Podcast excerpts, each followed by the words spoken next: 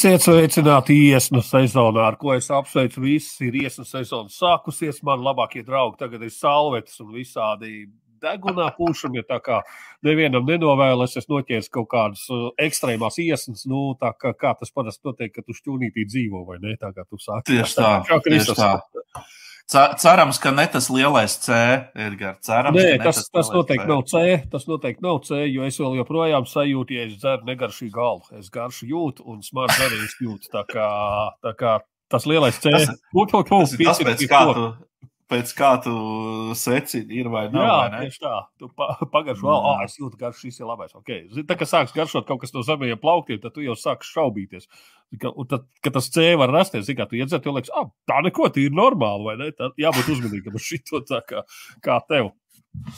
Oi, es esmu visādus piedzīvojumus šodien piedzīvojis, bet, nu, iespējams, viens tāds, kas vis, visvairāk man atmiņā ir iespiedies, ir uh, nedēļas sākumā man bija sapulcs ar, ar, ar amerikāņu kolēģiem. Un, eh, un, un tur izrādās, eh, kādā no tām sarakstiem, nu, es arī to biju pamanījis, eh, viens no, viens no valdes tiem vai direktoru padomus locekļiem, kas nu, tur ir tajā organizācijā, bija nu, tā e-pastā kaut kā pajokojis. Nu, tas joks bija apmēram tāds, ka, ka nu, tā tad tiek iebalsoti jaunie valdes locekļi uz, nākamo, uz nākamajiem trim gadiem. Un viņš tos jaunpienācējus tur tā, nu, tā kā jūs tur ķipa, nezināt, kur jūs esat iekūlušies, un tā, nu, tā, un, un kaut kā tā. Nevarēja īsti saprast, vai viņš kā, to kā noniecina to organizāciju vai kaut kā, bet nu, tā, tas joks tāds bija tāds, ja, ja tas bija joks, tad tas bija tāds, tāds dīvains, ļoti tas joks. Un nu, nekas tur, ne seksisms, nekāds tur, tur, tur, tur rasisms vai kaut kas tāds. Nē, vienkārši tāds, nu, Zini, kā organizācijā tu gribi būt tāds smieklīgais, un tad tu tā, zini, vienā brīdī to robežu bišķi pārkāp. Un, un, nu, lūk, un es, es, ko es piedzīvoju, es pirmo reizi tā kā mūžā piedzīvoju to, ka ir etikas komisijas sēde, kurā šo, šo čāli izmet vienkārši no organizācijas, ne tikai no valdes, bet no organizācijas. Jā, pagaidi, kas tā par organizāciju, kur tu esi iekūlis? Prezenta, prezentācija gilde, nē, nu, prezentācija ah, gilde. Tik vien, jā. jā tik vien, no jā. Nu, labi. Bet, Nopietni bet, bet, tā, ne. Jā, vienkārši izskatīt ārā. Bez Joks nekā. Studijā, lai es zinu, ko neteikt. Nē, nu es jau tev izstāstīju, es jau tev teicu, nu, viņš pajokoja par to, ka viņš neveikli pajokoja kaut ko par to, ka Jūs vēl nezināt, kur jūs esat iekūlušies. Kādā, kādā, tas, nu, tas kādā. Joks. Es domāju, tas tikai saka. No, jā, bet nu, tur tā bija tā, tāds, tāds, tāds vēl tur drusku teksts bija un tā, bet, nu, apmēram okay. to pusi. Tā kā es teikšu tā, no drunk tweets anymore. Tātad, kā saka, dzērāji tvīti vairāk. No, es, es būšu ļoti uzmanīgs tagad. Katru nu, vārdu, ko es teikšu. Dabūju astkājas. Um, kā, kā, kā to var līdzēt ar šiem draugiem? Jā, lai tā kā suņiem vai kaķiem zitās tās, tās, tās, tās, jā.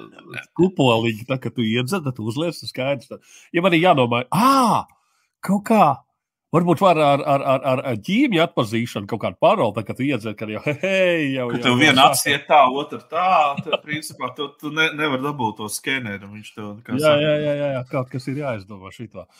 Nu, jā, tas, tas, tas, tas nekas. Es piedzīvoju kā... kancelēšanas kultūras, kā saka, realitāti. Tā to varētu nu, nosaukt. Okay. Nu, mums pagaidām vēl nekancelēs. Tā ceru, ka nekancelēs vēl kādu laiku. Un, un, un kaut kā mēs brīžiem, man liekas, darām visu to, lai tā, tas arī notiktu. Tā kā laipni aicināt šovā, kurš vēl nav kancelēts. Tā. Nu, lūk. Jā, iespējams, tā kā mūsu neviens neskatās un neklausās, bet mēs negribētu, lai tā, nu, tā kā mums rastos tāda tādas domas, ka tiešām tā ir, ka neviens neskatās un neklausās. Tāpēc man ir tāds aicinājums, varbūt tie, kas, tie, kas klausās un skatās šobrīd, paņemiet vienkārši telefonus, ierakstiet e-pasta lodziņā pasts atdiena pēc.lv, pasts atdiena pēc.lv, un, un tajā subjekta rindiņā uzrakstiet, es skatos, un atsūtiet vienkārši. Tas ir vienkārši lai mēs zinātu, cik daudz, cik daudz uh, skatītāju ir. Un, uh, tas būs interesanti. Nākamajā reizē mēs pateiksim uh, ciparu, cik, cik daudz cilvēku mums ir atsūtījuši. Tā kā piedalieties šajā skaistajā, jaukajā loterijā. Tie, kas skatās mums Facebook, YouTube, TV4 uh, un visur, kur jūs mūs esat noķēruši. Spotify, iespējams. Pasts atdiena pēc.cl. Atsūtiet! Aiziet. Labi, ķeramies klāt nedēļas notikumiem, vai ne?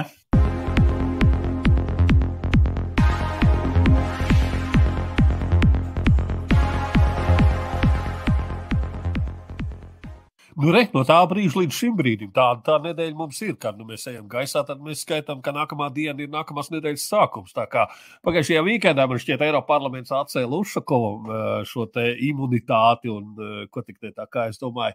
Laiks Nīlam braukt mājās, mazliet pasēdēt. Tur, tur, tur, tur, tur mm, daudz šo brīdi ir gaidījuši, bet viņš pats arī ir balsojis, vai ne? Ka, lai tikai atceļ, nu viņš ies un pierādīs. Jā, jā. Un, un jā, cīnīsies par to, jo redz kaut kādu mapu tur ir ielikt, un kas tikai nē, un, un, un var sakot, iztaisās par mazo nabadzīgu, un, nu, tur redz, kā man sīt, un tad es iešu pierādīšu, tā kā pionieris, ka es neesmu vainīgs, bet, nu, Zini, kā nē, tur bija, tur bija kaut kāda noklausīšanās vai jā, video novērošanas ierīce, jā, kaut kāda, kas, ko viņš tur bija, nu, tā kā nelegāli, ko, kas viņam it kā nevajadzēja tur būt kabinetā un tā.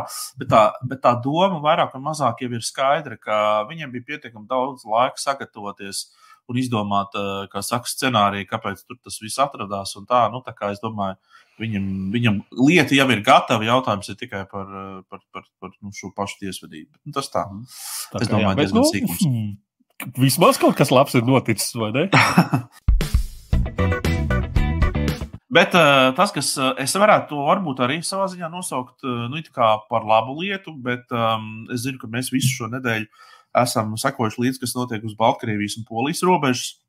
Un tā labā lieta ir, protams, tāda, ka uh, Uh, šī visa situācija ir deeskalējusies. Tātad, ja nav vairs, nav vairs kā saka, uh, nekāda tur liela apdraudējumi, uh, Baltkrievijas pusi, Lukašenko ir atvilcis no tās robežas šos, šos Irākas bēgļus.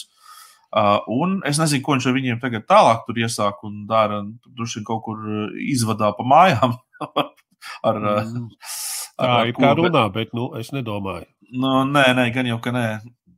Uh, un, un, un tā, bet es domāju, ka šis ir vienkārši vien ļoti skaista, uh, vēl vienreiz paraugs tam, kā Eiropa noreaģēja pilnīgi infantīli un, un, un, un, un, un ne, nu, nenorēģēja. Es teikšu tā, pilnīgi nekā nenorēģēja. Tas nozīmē, ka ja sāktos kādas pilnīgi nopietnas situācijas, Es domāju, mums būtu tādā pakaļā, ka maz neliekās. Nu, Dievs pasargi, jo Eiropa atkal izteiks aso nosodījumu, pakratīs ar pirkstu, nezinu, Merkel kaut kam piezvanīs, kaut ko parunās. Saka, nu, asi nu, nosodītāji. Tā, jā, jā, asi nosodītāji. Asi, asi nosodoši skatīsies. Zin, tas tā kā uz ielas ir kautīgs vai ne, un garām gājēji nosodoši mm. skatās uz uzbrukumu. Es domāju, es domāju, ja kāds saka, no, nu, ko tur vajadzēja, ko tur jūs tur baigie gudrinieki, ko tur vajadzēja darīt.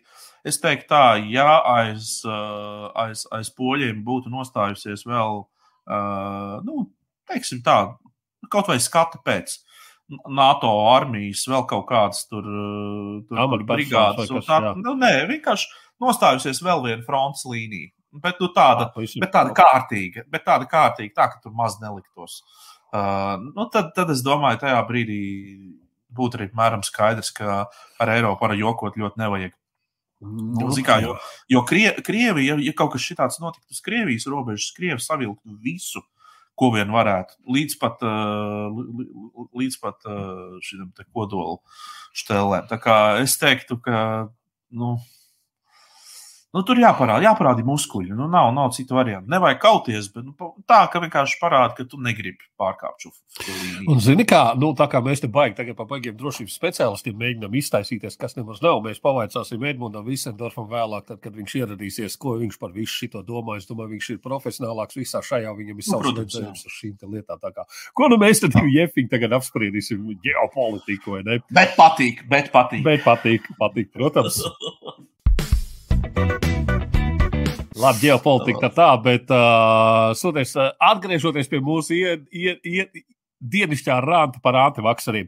Viņi ne tikai slimnīcas nokārt, viņi nokārs tagad tiesu sistēmu, tāpēc ka katrs tagad skries uh, sūdzēties, skries sniegt, uh, nu, iesniegt tiesā prasības par to, ka viņa brīvība tiek ierobežota un viss šitais. Un, un, un, Un tā tālāk par vakcinēšanos, un, uh, un ir pirmais gadījums jau pagājušo nedēļu ir noticis, jau kā tiesa ir uh, noraidījusi pirmo pieteikumu, kur apstrīdēts šis valdības rīkojums par sabiedriskā sektora strādājošo vakcinēšanu. Kas ir noticis? Ir ģimene iesniegusi, nu, tur, nu, kā jau ģimene, mm -hmm. visu, tur, tur, tur visus vienu roku. Kopā. Nu, nu, nu, ko tad? Visi kopā sanāca pie pusdienu galda un aizpildīja papīrus. Nu, jā, nu, lūk, un, un, un, un kas ir forši, un, un uh, tur izrādās, kā tagad ir. Viena ir labklājības ministrijas ierēdne, tad ir viņai vīrs un meita, ja, un tā tālāk, un iesniedzēji visi norādīt, uh, ka viņi var strādāt attālināti.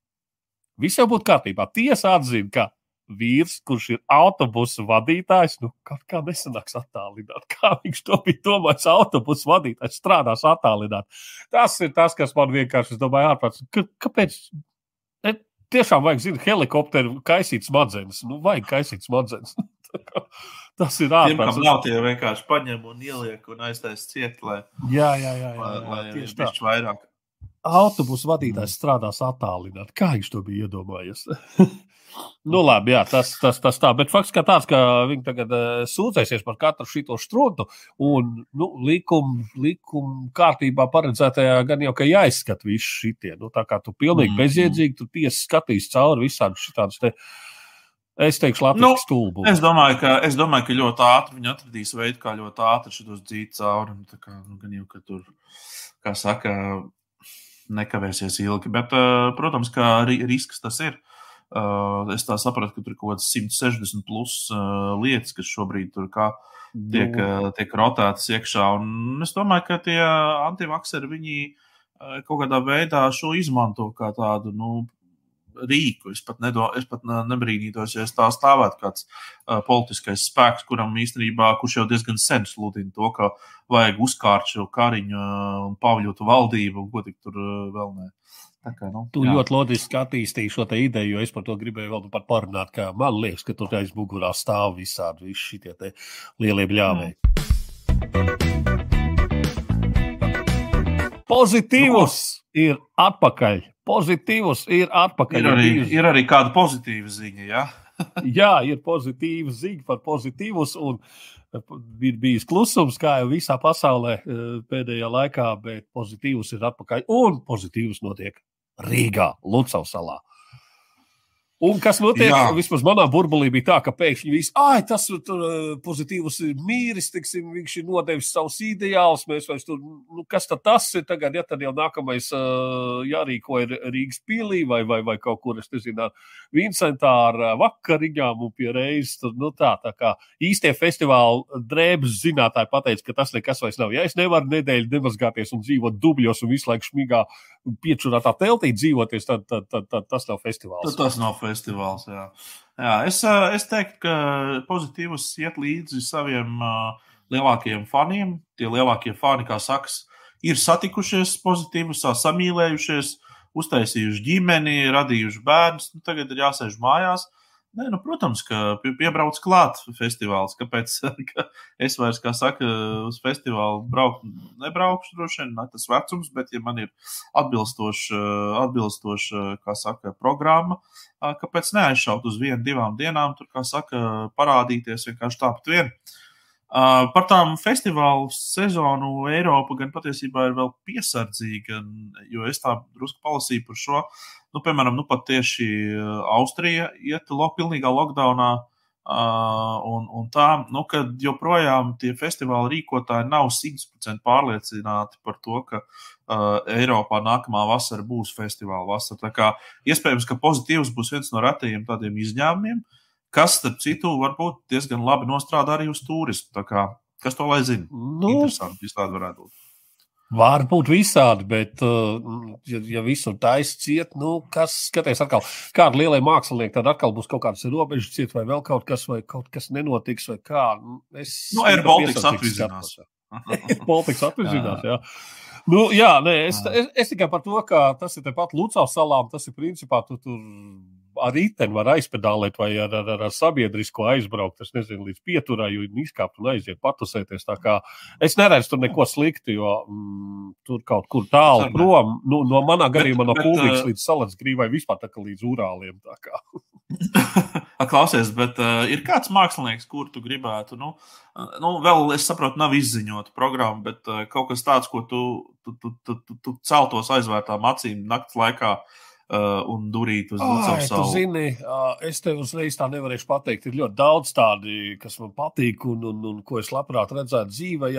Jautājums ir par to, ka to līsti ieraudzīs, tad tu sapratīsi, o, oh, šī tas ir jāņem. Bet, mērā, festivālam ir atkal tā nelēma, ka tev ir jāpērk tā biļete uz visu festivālu vai, ne, vai uz dienām. Tad, tas nav tā, ka tu uz atsevišķu koncertu. Nu, ja tev tajā festivālā varbūt tur maksimums viens headlineris interesē, nu, Bet tagad jau nav problēma. Ja tā būtu bijusi salātsgrīva, tad tā ir problēma. Jā. Tu aizbrauc, tev tur jāpaliek. Nu, Jā. tu tur kulsies atpakaļ. Tagad, A, tagad Rīgā nekāda problēma. Paņem aiziet uz to, kas tev tur interesē. Un vispārējo reizi plosto bārā vai, nezinu, sēž uz ielas. Un... Nē, nu, zini, kā, nu, ja jau tā tu esi, ja jau tu esi tur saģēries un aizgājis, tad, nu, ko, pagaidi, es, ah, šis man ļoti nepatīk, es uz stundu aizbraukšu, paplostošu kaut kur vecrīgā. Nu, nē, nu, ja jau tu tur esi, tad, tad, tad tu sējies. Nu, tad tā, jā. Viss ir no līstas atkarīgs, viss ir no līstas. Es, es zinu, ko tu gribi dzirdēt. King Charles tu gribi dzirdēt. Oh, jā, protams, kurš gan negrib King Charles dzirdēt? Viņš pats sev negrib dzirdēt. Kurš vispār pasaulē vēl zina šo džeku, izņemot Latviju? Nu, šķiet, viņš nekur nekad nav bijis. Kurienes viņš kas ir? Tas ir tāds. Izņemot jā. Latviju. Jā, nu, tas ir droši, mazais brīdis. Jā, jā, jā, jā. Bet, nu, zini, kā, nu, tad, kā saka, Toms Grēviņš varēs pie sevis mājās uzņemt viņus visus. Nebūs iestīts šādam. Jā, saka, kā tāda Airbnb. Nu, drusku, jā. Nu, labi. Kas mums vēl noticis? Nu, droši vien, ka Latvijai svētki, vai ne? Parnos, par to nu, nedaudz. Protams, ka Latvijai svētki 103 uh, gadi. Tas diezgan nopietni jubileja. O, jā. Nu, ko? Uh, kāds tev sajūtas? Noķēra patriotismu mm, vilni. Nu, nē, es ārā nekur neju. Zin, kā, uh, es dzīvoju savā šķūnī, kā tu saki. Ja, godīgi sakot, nu, kā to, to sajūtu, svētku sajūtu, nu, nav tāda. Vismaz man vajag īpašā. Tas, ka, teiksim, televīzijā tur uh, iet koncerti, iet svinīgās sēdes, es noskatījos tur saimnes svinīgo sēdi un tā. Un tas viss ir, bet tā, lai tev iekšā tāds pacēlums, jo, nu, varbūt, ja es būtu bijis, uh, ja es būtu bijis 18. tieši pie tā uh, brīvības pieminiekļa izgaismošanas, nu, varbūt kaut kas savādāk ir bijis, būtu bijis, bet tā. Uh, šobrīd Kuldīgā mēs neko tādu. Pats, nu, zini, kā, es biju tur. Es biju pie, es biju pie tā no, brīvības pieminekļa. No. Uh, man ir tāds divējāds sajūts. Iekšēji es varbūt tā kā jūtu, man, man patīk, uh, man teiksim, ar tādu. Ar tādām maņām man patīk tas, ko es redzu. Nu, tā tad ir izgaismots piemineklis. Paldies Zetleru fondam, uh, bijušam prezidentam Valim Zetleram par šo iniciatīvu un, un tā, un arī Rīgas doma tur pacētusies. Viss skaisti. Viss ir izrotāts skaisti un tā tālāk, un tā tālāk. Burvīgi, nekāda problēma. Bet tad tas otrs aspekts ir, ka tu pagriezies un tu klausies, kas notiek apkārt. Pudeles kaut kāda šķīna, cilvēki, nu, ne, es negribu teikt visi, bet uh, daļa tur vienkārši apdzērušies. Jaunieši kaut kādi vai nu klēgā, vai nu strīdās, kaut ko, kaut kādu, nu, tu vari redzēt, ka tur cilvēki atbraukuši no visām vietām, ja tur no bērnu ratiņa apakšas ķeksē kaut kāds hektors. Uh, nu, un tu vienkārši tā, tā zināmā no vienas puses liekas, kā skaisti, tā, nu tā, bet no otras puses tā, tu paskaties, nu, nezinu, es negribu, es, es negribu cilvēks nekā iedalīt un, un negribu nekā, kā saka, tur noniecināt vai kā, bet uh, Es nezinu, kur ir, kur ir tā visa inteliģentā daļa, kur viņi ir, kur ir tie, kam ir manieres, kur prot uzvesties. Nu, kuriem nevajag klāt pašvaldības policija, kā vienkārši visu laiku. Nu, šitā, nu, es nezinu, man kaut kā tāda brīvdabas un bezmaksas pasākumos eh, šis kontingents nu, ir neizglābts. Viņi izlien ārā. Viņi, viņi izlien ārā, un tur varbūt pamana, tāpēc, ka, nu, ja, es nezinu, ja, ja tu ej uz operu un uz teātru, nu, nu, tur nebūs viņi, nu, tur nebūs. Tur jāmaksā nauda, pie tam neslikta, vai ne, tur jābūt kaut kādām manierēm, tur vispār jābūt, oh, sāksim ar to, ka kaut kādam saprātam jābūt, lai tu izdomātu uz turieni tā tev pavelti, nu, tas ir tas eh, kontingents, kas reaģē uz gaismas skaņu. O, kas ir? Ejam, baigs čosis. Tāpēc viņi ir, kā saka, visi tie, tas, tās uguņošanas, viss ir uz urā. Cilvēki skrien gatavi lekt Daugavā, lai tikai kaut ko redzētu. Tur. Nu jā, safilmēt uz telefoniem un tad eh, tos video atstātu. Nu jā, tā kā man, man tāds divējā, divējādas noskaņas ar šo visu ir, eh, es, tā, varētu teikt, ir noķēri, ir nenoķēri. Gan ir gan. Nu, jā, es arī kaut ko tādu 50-50 šajā reizē. Pagaidīsim, kas būs tālāk. Mēs esam, protams, pienākuši klāta segmentam, ko mēs saucam par Baltijas korespondentiem. Tātad es atgādināšu, mums ir savi korespondenti gan, uh, gan Viņā, gan Tallinā. Mēs esam tik krūta organizācija. Uh, Svens Lielapalo mums pievienojās no Tallinas, uh, un es domāju, sāksim ar viņu, vai ne? Jā.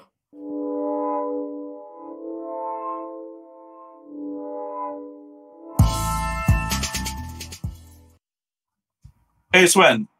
Hi, Sven.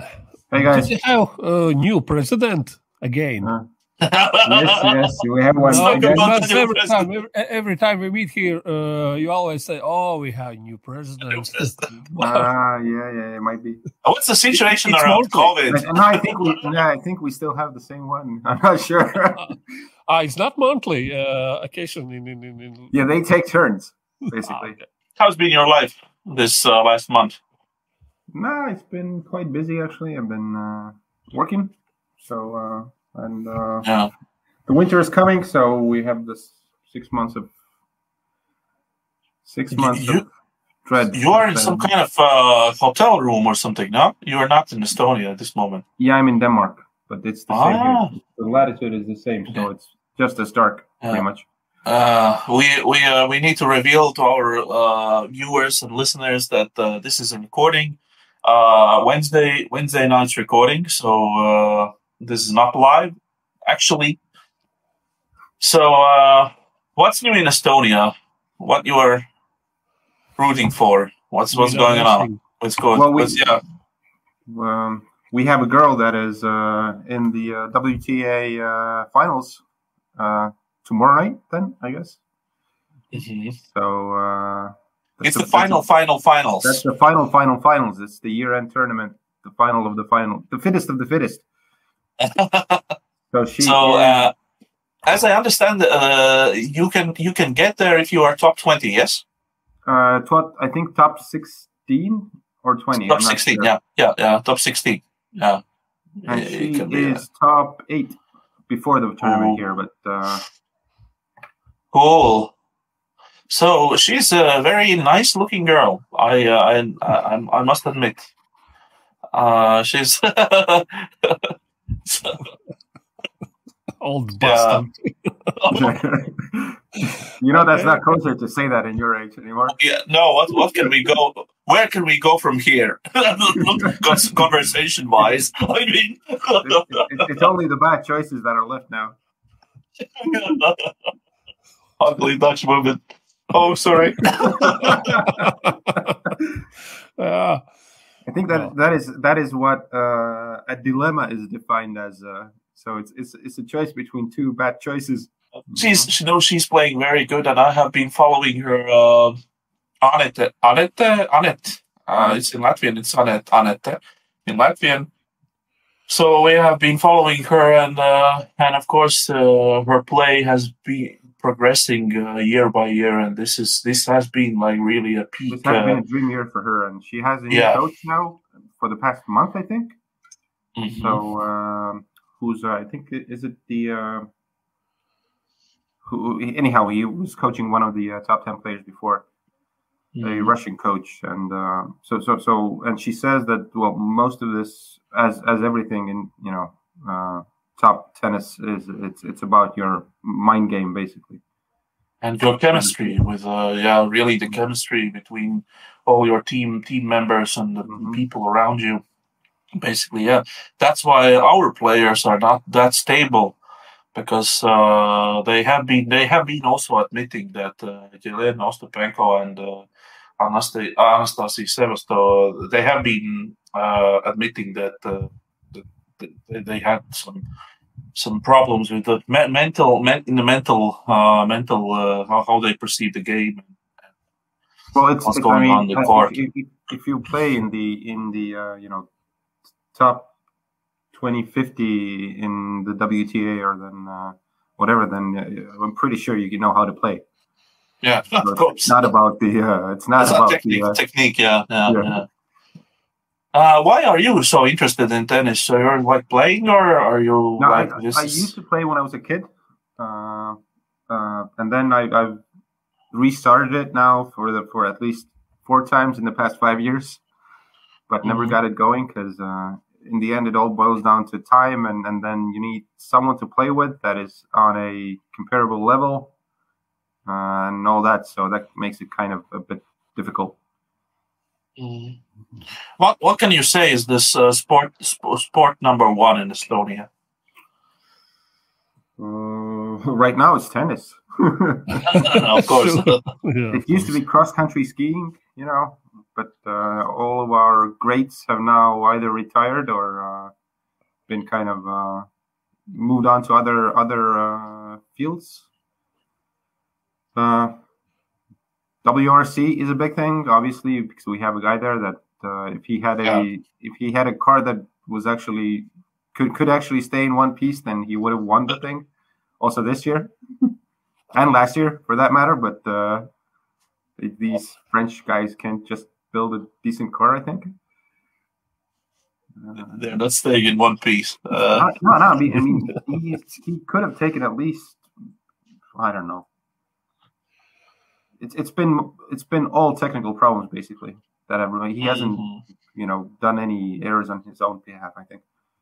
Yeah, and this is kind of like a bad luck for a driver because for a pilot Mhm. because they're doing everything on their on their with their power, but within their power. But uh, And then he used to the drive for technical- M Sport, and he he won the title with uh, with them. Yeah, I remember. uh, Uh, so that's that's about the sport. Uh, so now we have a like a very light transition, uh, like, like a very nice, smooth bridge to geopolitical uh, uh-huh. topics. I want to know your opinion about uh, uh, about what's going on on Poland's and Belarus's the Oh, border yeah. right now. Uh, the last I heard, actually, a couple of hours ago, with the, the, the they actually left the border, didn't they? Uh, they're part part of them. They they're basically they're now uh, sending buses uh, to the border and they're kind of leaving. Uh, But who's, sending, uh, who's sending the buses? Be- Belarus Belarusian side. Okay. Well, what they Uh, did, but- what, what they did here, but that was that all of these, um, I don't know what you call them in English. The, the, well, the the, the reserve um, military. Yeah, if you, yeah, you have gotten your through your military service, you go, go into this reserve. Uh, they have been uh, called for an extraordinary meeting this weekend, and what they're going to be doing is um, uh, reinforcing the uh, eastern border, basically. So they're building this uh, temporary uh, border structure thing on the- over there for the for the weekend. Well, that is crazy. This, That is uh, you know, the barbed wire thing, the same type of thing that they have there in in, uh, in Poland that you see on Mhm. TV. Well, uh, I think that this is uh, this is something that's a new chapter, isn't it?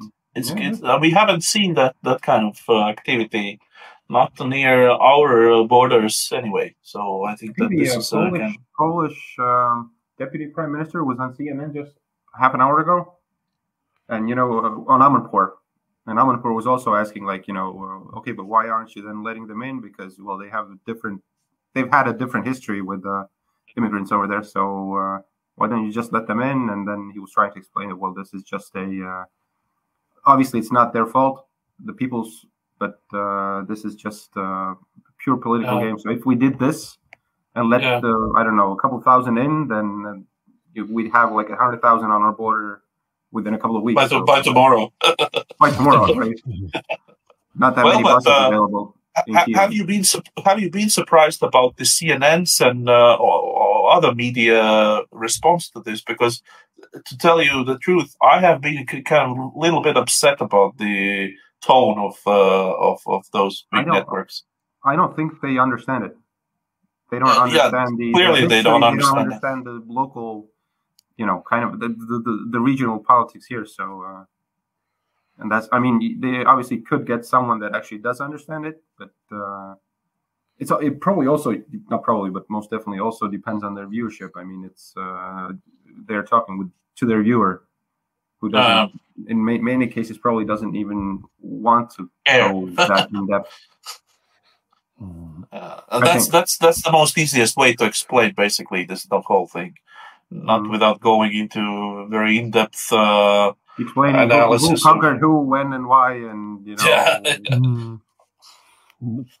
That's right. Okay, what else is going on? Well, nothing much. Uh, Christmas. COVID is- situation. COVID is um, for the past week. I think it's been getting better. Uh, Are, are, are you getting the booster? the what? Are you getting the booster? Uh, probably not. I can travel without it, so I don't. I don't Okay. really need one. I think. I never got a flu shot in my life. Not that I'm against it or anything, but I, I really haven't felt the need, and I only got this year because I I needed to travel. So uh, the first uh, first shot. Ah, so you have one, only one. Oh, only one shot. Uh, No, I got which the allows you one, to go. which is, the- which is the Ah, one okay. shot one shot wonder. Ah, one just wonder.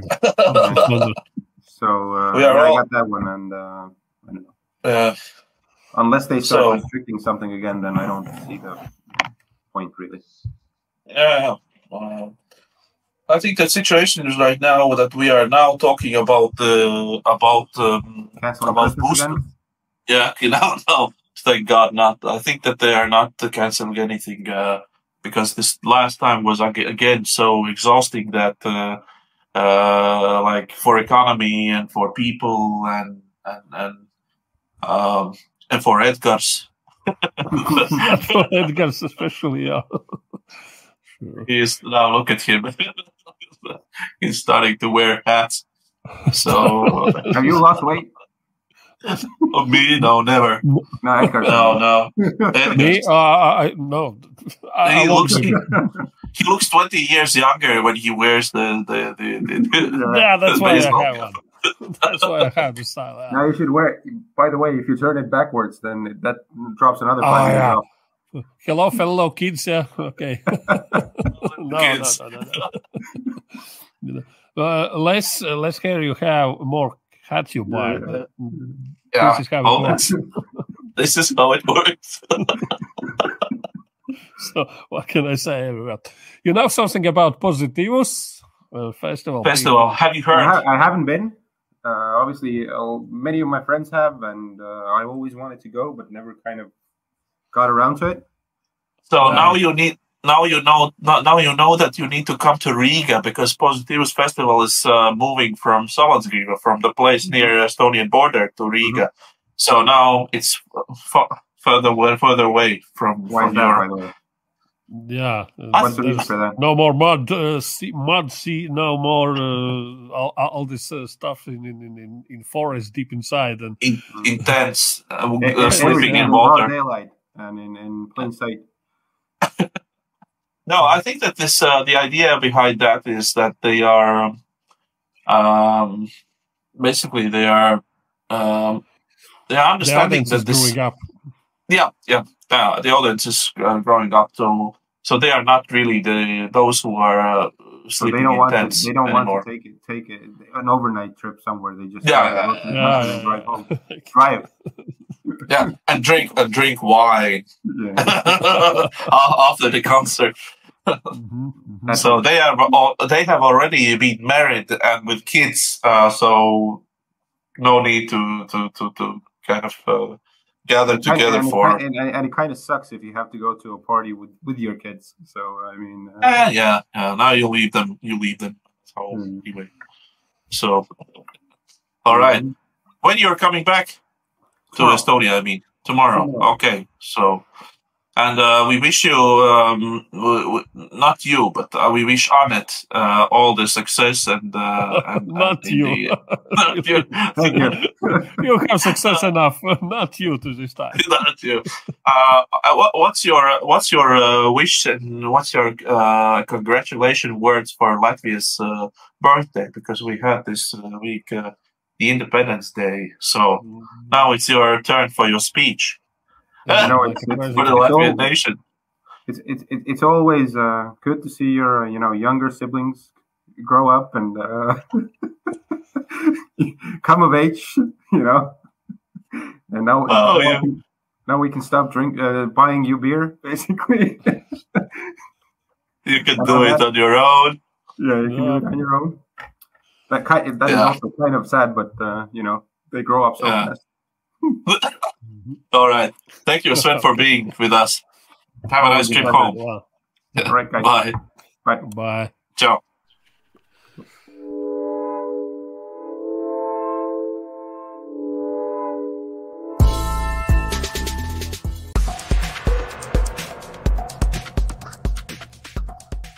Es domāju, ķeramies klāt tādam nopietnam tematam, kas ir diena pēc. Uh, diena pēc tātad uh, um, sadaļa.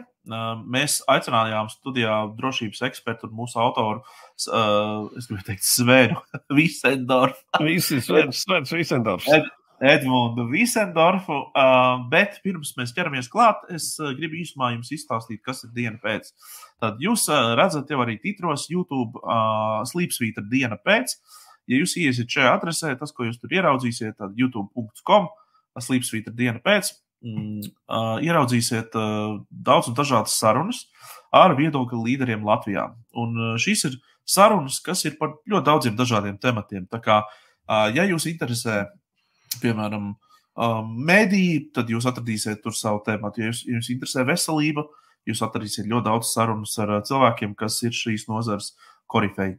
Un tā tālāk, un tā tālāk. Tā kā uh, aicinu jūs visus sameklēt vai nu Spotify, vai nu YouTube, vai nu Facebook, vai kaut kur citur, uh, diena pēc platformu, un tai vienkārši piesakot.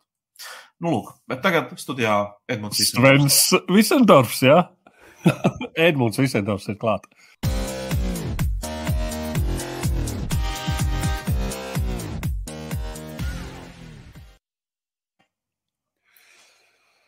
Sveiks, Oi.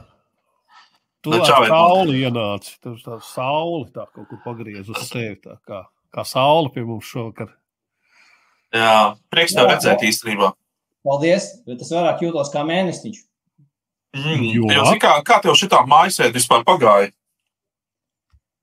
Uh, nu, darbīgi, ļoti daudz dažādu lietu. Diemžēl ir gan jākustās, gan arī pie datora jābūt. Un man tā kā vairāk mazliet patiktu, ka būtu vai nu tā kā domāt datorā, vai nu tā kā dzīvē, bet man bija gan, gan līdz ar to kā ļoti saspringts laiks. Nu, bet Analstīt, jā. tā visiem ir visi i- kaut kur pakustās un tad pasēž datoros. Nu, mēs varbūt cīrus nemētājām. Es redzēju, tu sociālos tīklos uh, mēti cīrus un teici, ka tās esat kaut Jā. kādas blaknes. Kas tas bija pastāstīt? Ar ko tu nodarbojies mājasēdē? Kāpēc tu cīrus met? Uh, es esmu aizrāvies ar tādu lietu, nu jau būs kaut kāds gads, kopš uh, es mētāju, nu, nodarbojos ar dažādu priekšmetu trāpīšanu mērķī. Tie ir naži, cirvi, lāpstas, uh, īlēni un tā tālāk. Nu, tas mērķis tā kā ir, jo patiesībā tas ir interesanti, tas ir brīvā dabā, tas ir svaigā gaisā, un tāpēc es to nosaucu par svaigā gaisa blakni.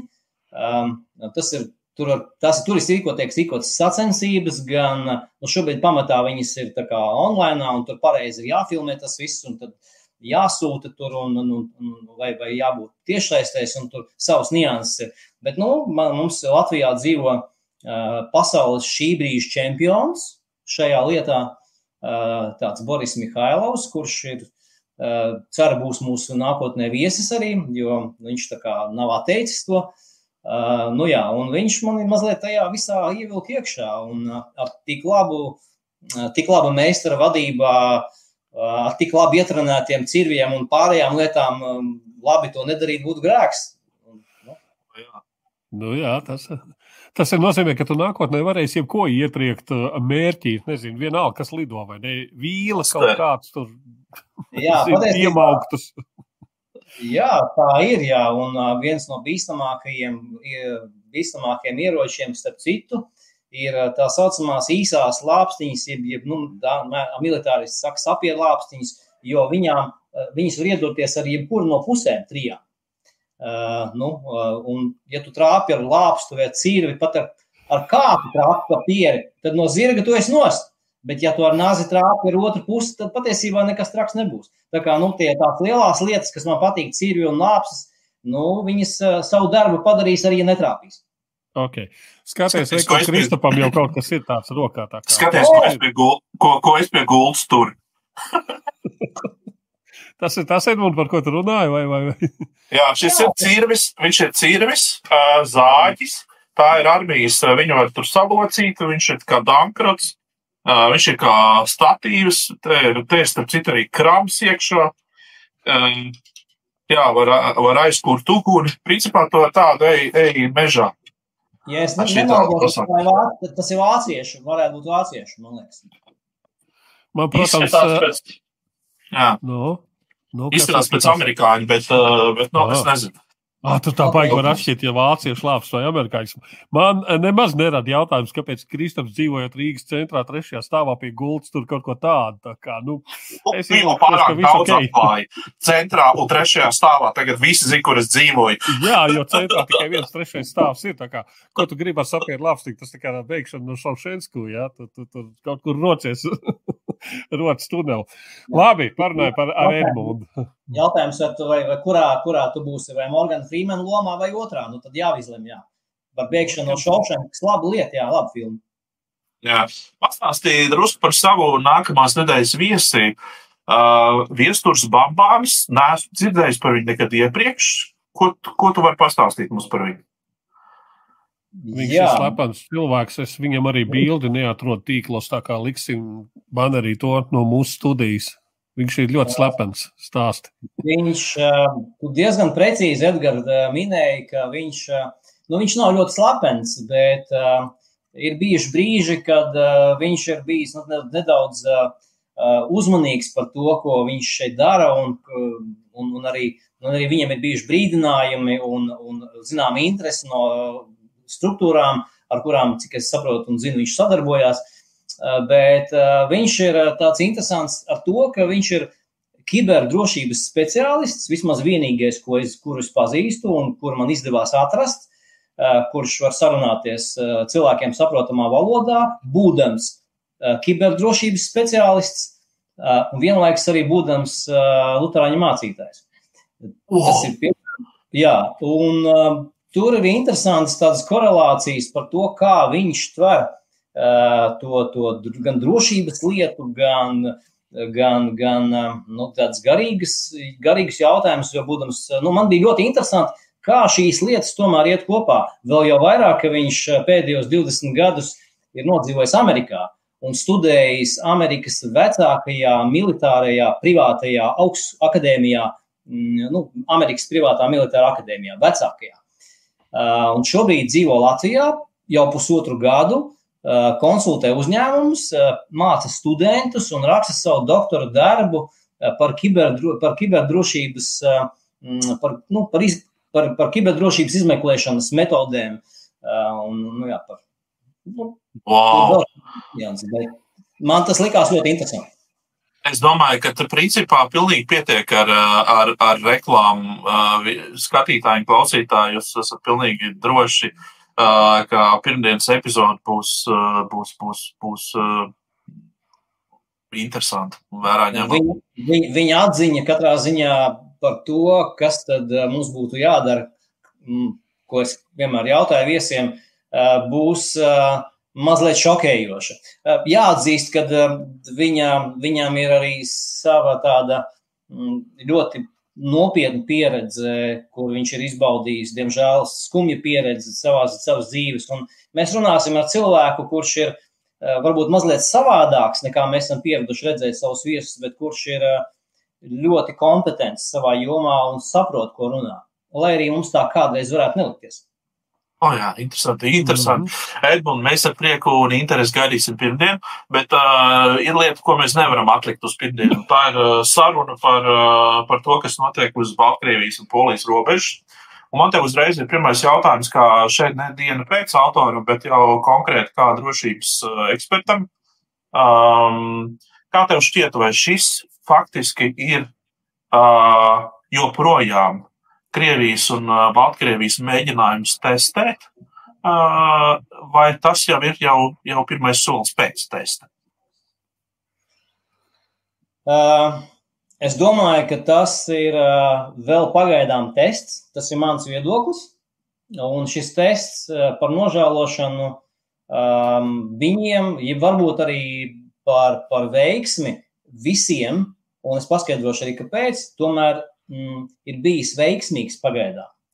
Jo, jo nu, mēs, mēs saprotam, ka Lukašenko testēja, un ka viņš to darīja, un kad aicināja bēgļus, un ka viņi tur bija, un tur bija dzīvais vairogs, un ka poļi bija baigiem maleči un nelaid viņus pārāk, pāri.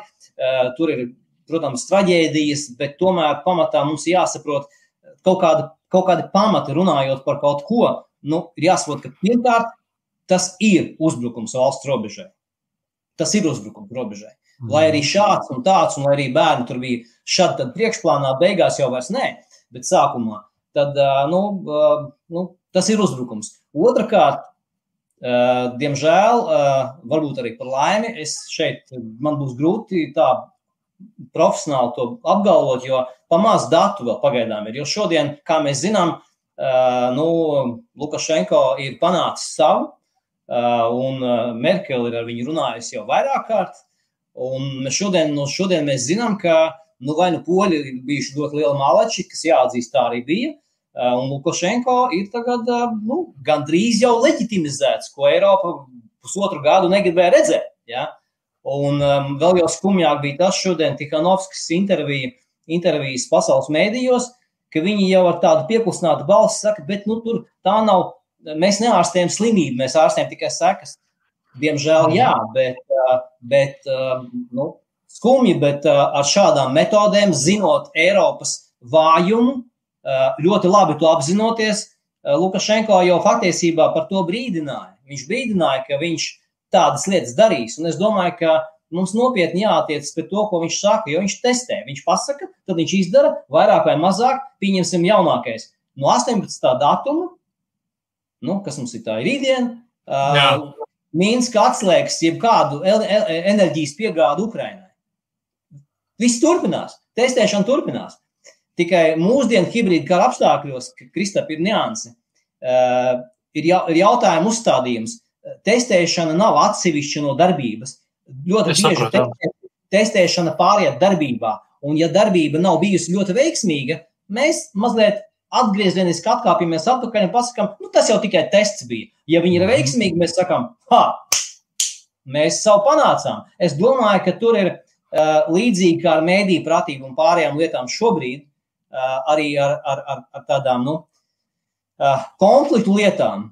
Tas ir ļoti strauji gājis uz priekšu pēdējos divu, trīs gadu laikā gan pandēmija, gan cilvēku uh, izpratnes par šīm lietām, un, un, un komunikācijas, un valdības, un tam līdzīgi, tam līdzīgi, tam līdzīgi. Tā skaitā arī šādas, eh, šādi starpvalstu konflikti, viņi ļoti labi parāda to, eh, par ko, manuprāt, pirms gada precīzi, eh, tu zini, par ko mēs runājam, Edgars, jūs arī ziniet, par ko profesors Leons Tēvāns minēja.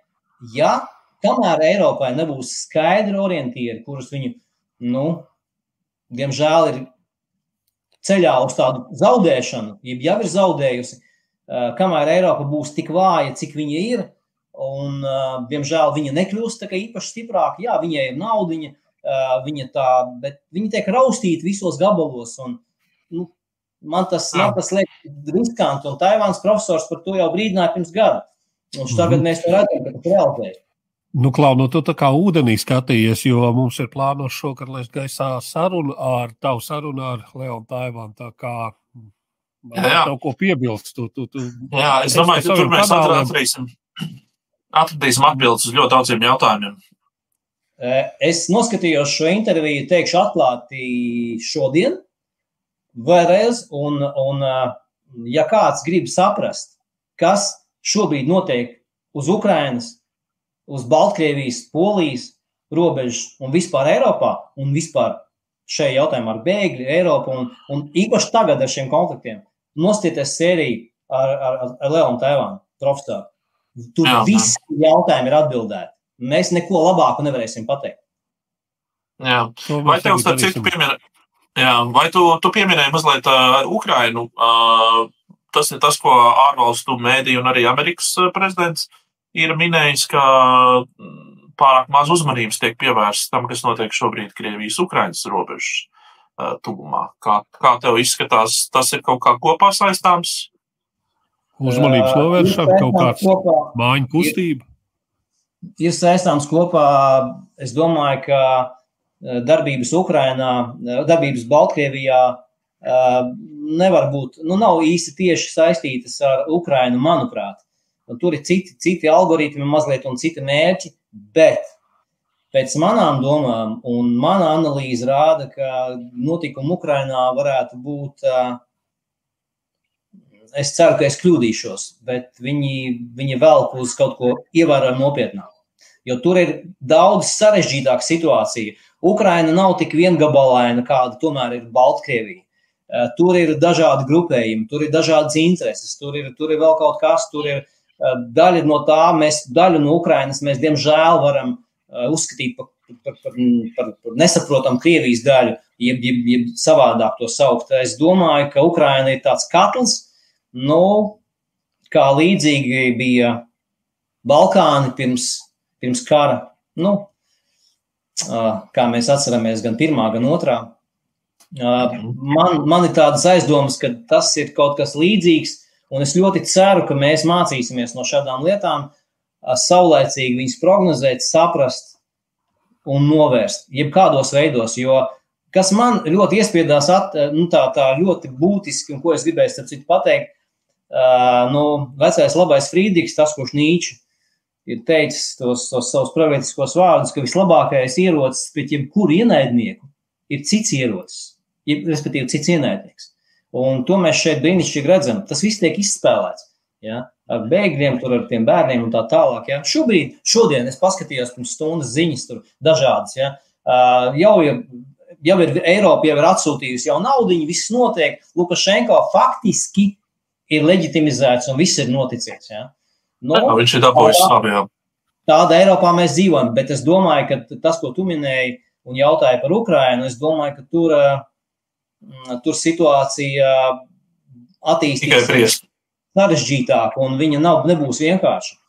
Es mm. domāju, ka viss, kas notiek šobrīd Baltkrievijā, viss, kas ir Sīrija, kaut kādā mērā tie, tie, tie, tie notikumi. Un, protams, ka mēs nevaram pateikt, ka amerikāņi nekādā veidā vai Eiropa nebūtu vainīgi pie, pie tās bēgļu situācijas. Jā, viņi ir. Uh, un, un, un, un, bet, nu, Lukašenko ļoti labi, es domāju, ko arī kāds no Uh, politologiem ir stāstījuši jau iepriekš, ka viņš ļoti labi patur prātā, ka uh, Kadafī gadījumu un Kadafī piemēru vai, vai Huseina piemēru, ja, kas var notikt tādās situācijās. Tāpēc viņš, viņš ieslīdz robežai kaut kādai, bet viņš to robežu un to sarkanās līnijas nepārkāps. Jo kas tagad notika? Viņš jebkurā brīdī, un to var redzēt arī tajos video kadros, viņš faktiski tie, tie, tie, tie, tie ar viņa armīnieki un, un, un viņa tie spēcvirsnieki un vispārie, kas tur ir, militārie cilvēki, viņi ir gatavi darbībām, gan tos bēgļus stumt pāri, gan viņus paņemt atpakaļ, gan vienkārši no tās robežas nostumt. Un es nedodu ne pieci, ja viņam vēl aizsūtīs kādu palīdzību, Lukašenko pierādīs, ka viņš divu dienu laikā to robežu vienkārši notīrīs. Un tur nebūs neviena bēgļa. Un viss. Un, un kas, Eiropā, tas, tas šobrīd jau notiek. Jā, jo, jo tur jau ir aizsūtīti autobusi, un šobrīd viņi atvelk. atvelk jā, tie, kas ir Irākā, Irāks, Irāks pilsoņi, tie jau, jau šodien un rīt jau lido atpakaļ uz Irāku, un neviens neprotestē. Lukašenko ir trīs veidos pierādījis savu spēju būt par to, kas viņš ir. Un, nu, gan Tihanovskis, gan vairāku citu jau izteikumi skumjie liecina par to, ka nu, ir noticis tas scenārijs, ko mēs negribējām. Kad, diemžēl, Lukašenko Eiropai pierādīja, ka viņa nav tik stipra. Mhm. Un es šeit saredzu vienu lietu, kas nākotnē mums būtu jāņem vērā. Latvijai, eh, Baltijai uh, ir vajadzīgas stipras robežas, un es pat teiktu trakāk.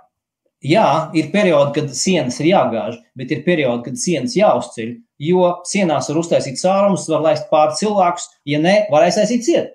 Bet viņām ir jābūt tur gadījumam, ja kaut kas notiek.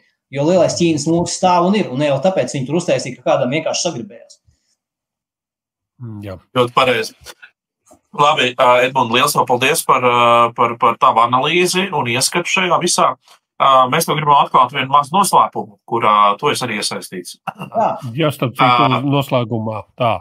Jā, tas ir. Šajā brīdī mēs varētu no tevis atvadīties. Teikt, labi, paldies, līdz nākamajai reizei. Bet, nē, nu, labi. Nē, nē, labi, es izstāstīšu līdz galam. Tā kā mūsu var redzēt arī TV4, tad uh, uh, vai nu sākot ar nākamo nedēļu, man šķiet, tas ir sākot ar nākamo nedēļu, bet varbūt es mazliet kļūdos, tas ir vēl nedēļa vēlāk. Tam nav tik liela varbūt nozīme. Uh, TV4 turpmāk būs redzamas arī diena pēc sērijas. Tātad diena pēc raidījuma, kurus mēs uh, ierakstām un izplatām katru nedēļu uh, internetā, būs redzama arī televīzijā. Un mēs sāksim uh, šo visu ar uh, tavu sēriju. Tātad tu būsi vēsturiska persona, kur ies vēsturē ar to, ka būs pirmais diena pēc autors uh, televīzijā ar, ar tu sarunāsies, tātad sarunājies ar Mihālu Papsu Jēviču, kurš ir, kurš ir tā, atgādājot, viņš bija valsts probācijas, jā, probācijas dienesta vadītājs, jā, un, un, un, un tava saruna ar viņu būs pirmā, kas aiziet ēterā. Tā kā apsveicam tevi ar to. Uhu! Uh, nu, vispār tādos pionieros ej iekšā, jo ar tavu epizodi sākās arī diena pēc šis te jaunais, nosacīt jaunais formāts. Tā kā, formāts, nu, jā, tā kā, jā. nu, viss, viss, kā saka. Es joprojām esmu, esmu ieintriģēts un pagodināts atrasties šajā kompānijā. Man šķiet, ka, man šķiet, ka mēs darām labu lietu, un noslēgumā es atļaušos atgādināt mums ir priekšā brīvdienas. Nu, ja jūs man ļausiet pateikt, es zinu, ka tas tā būs. Paldies! Un atgādināt to, ko mūsu nākamais viesis, kas ir viesturs, kurš ir kiberdrošības speciālists un mācītājs, ko viņš minēja, ka mm, nu, patiesi ietekmēt mēs varam tikai to, kas atrodas rokas stiepienā attālumā.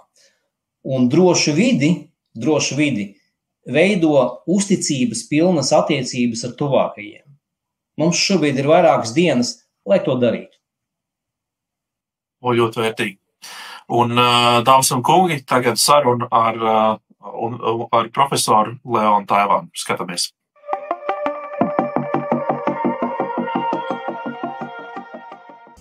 Profesor, Sakiet, lūdzu, bēgļu krīze. Vai mēs šodien piedzīvojam Eiropas bojājas sākumu? Nu, tas ir jautājums uz iekrišanu, bet kā jūs pats jūtaties šajā jautājumā? Brīnišķīgs jautājums, pretjautājums. Es jūtos nedaudz apdraudēts.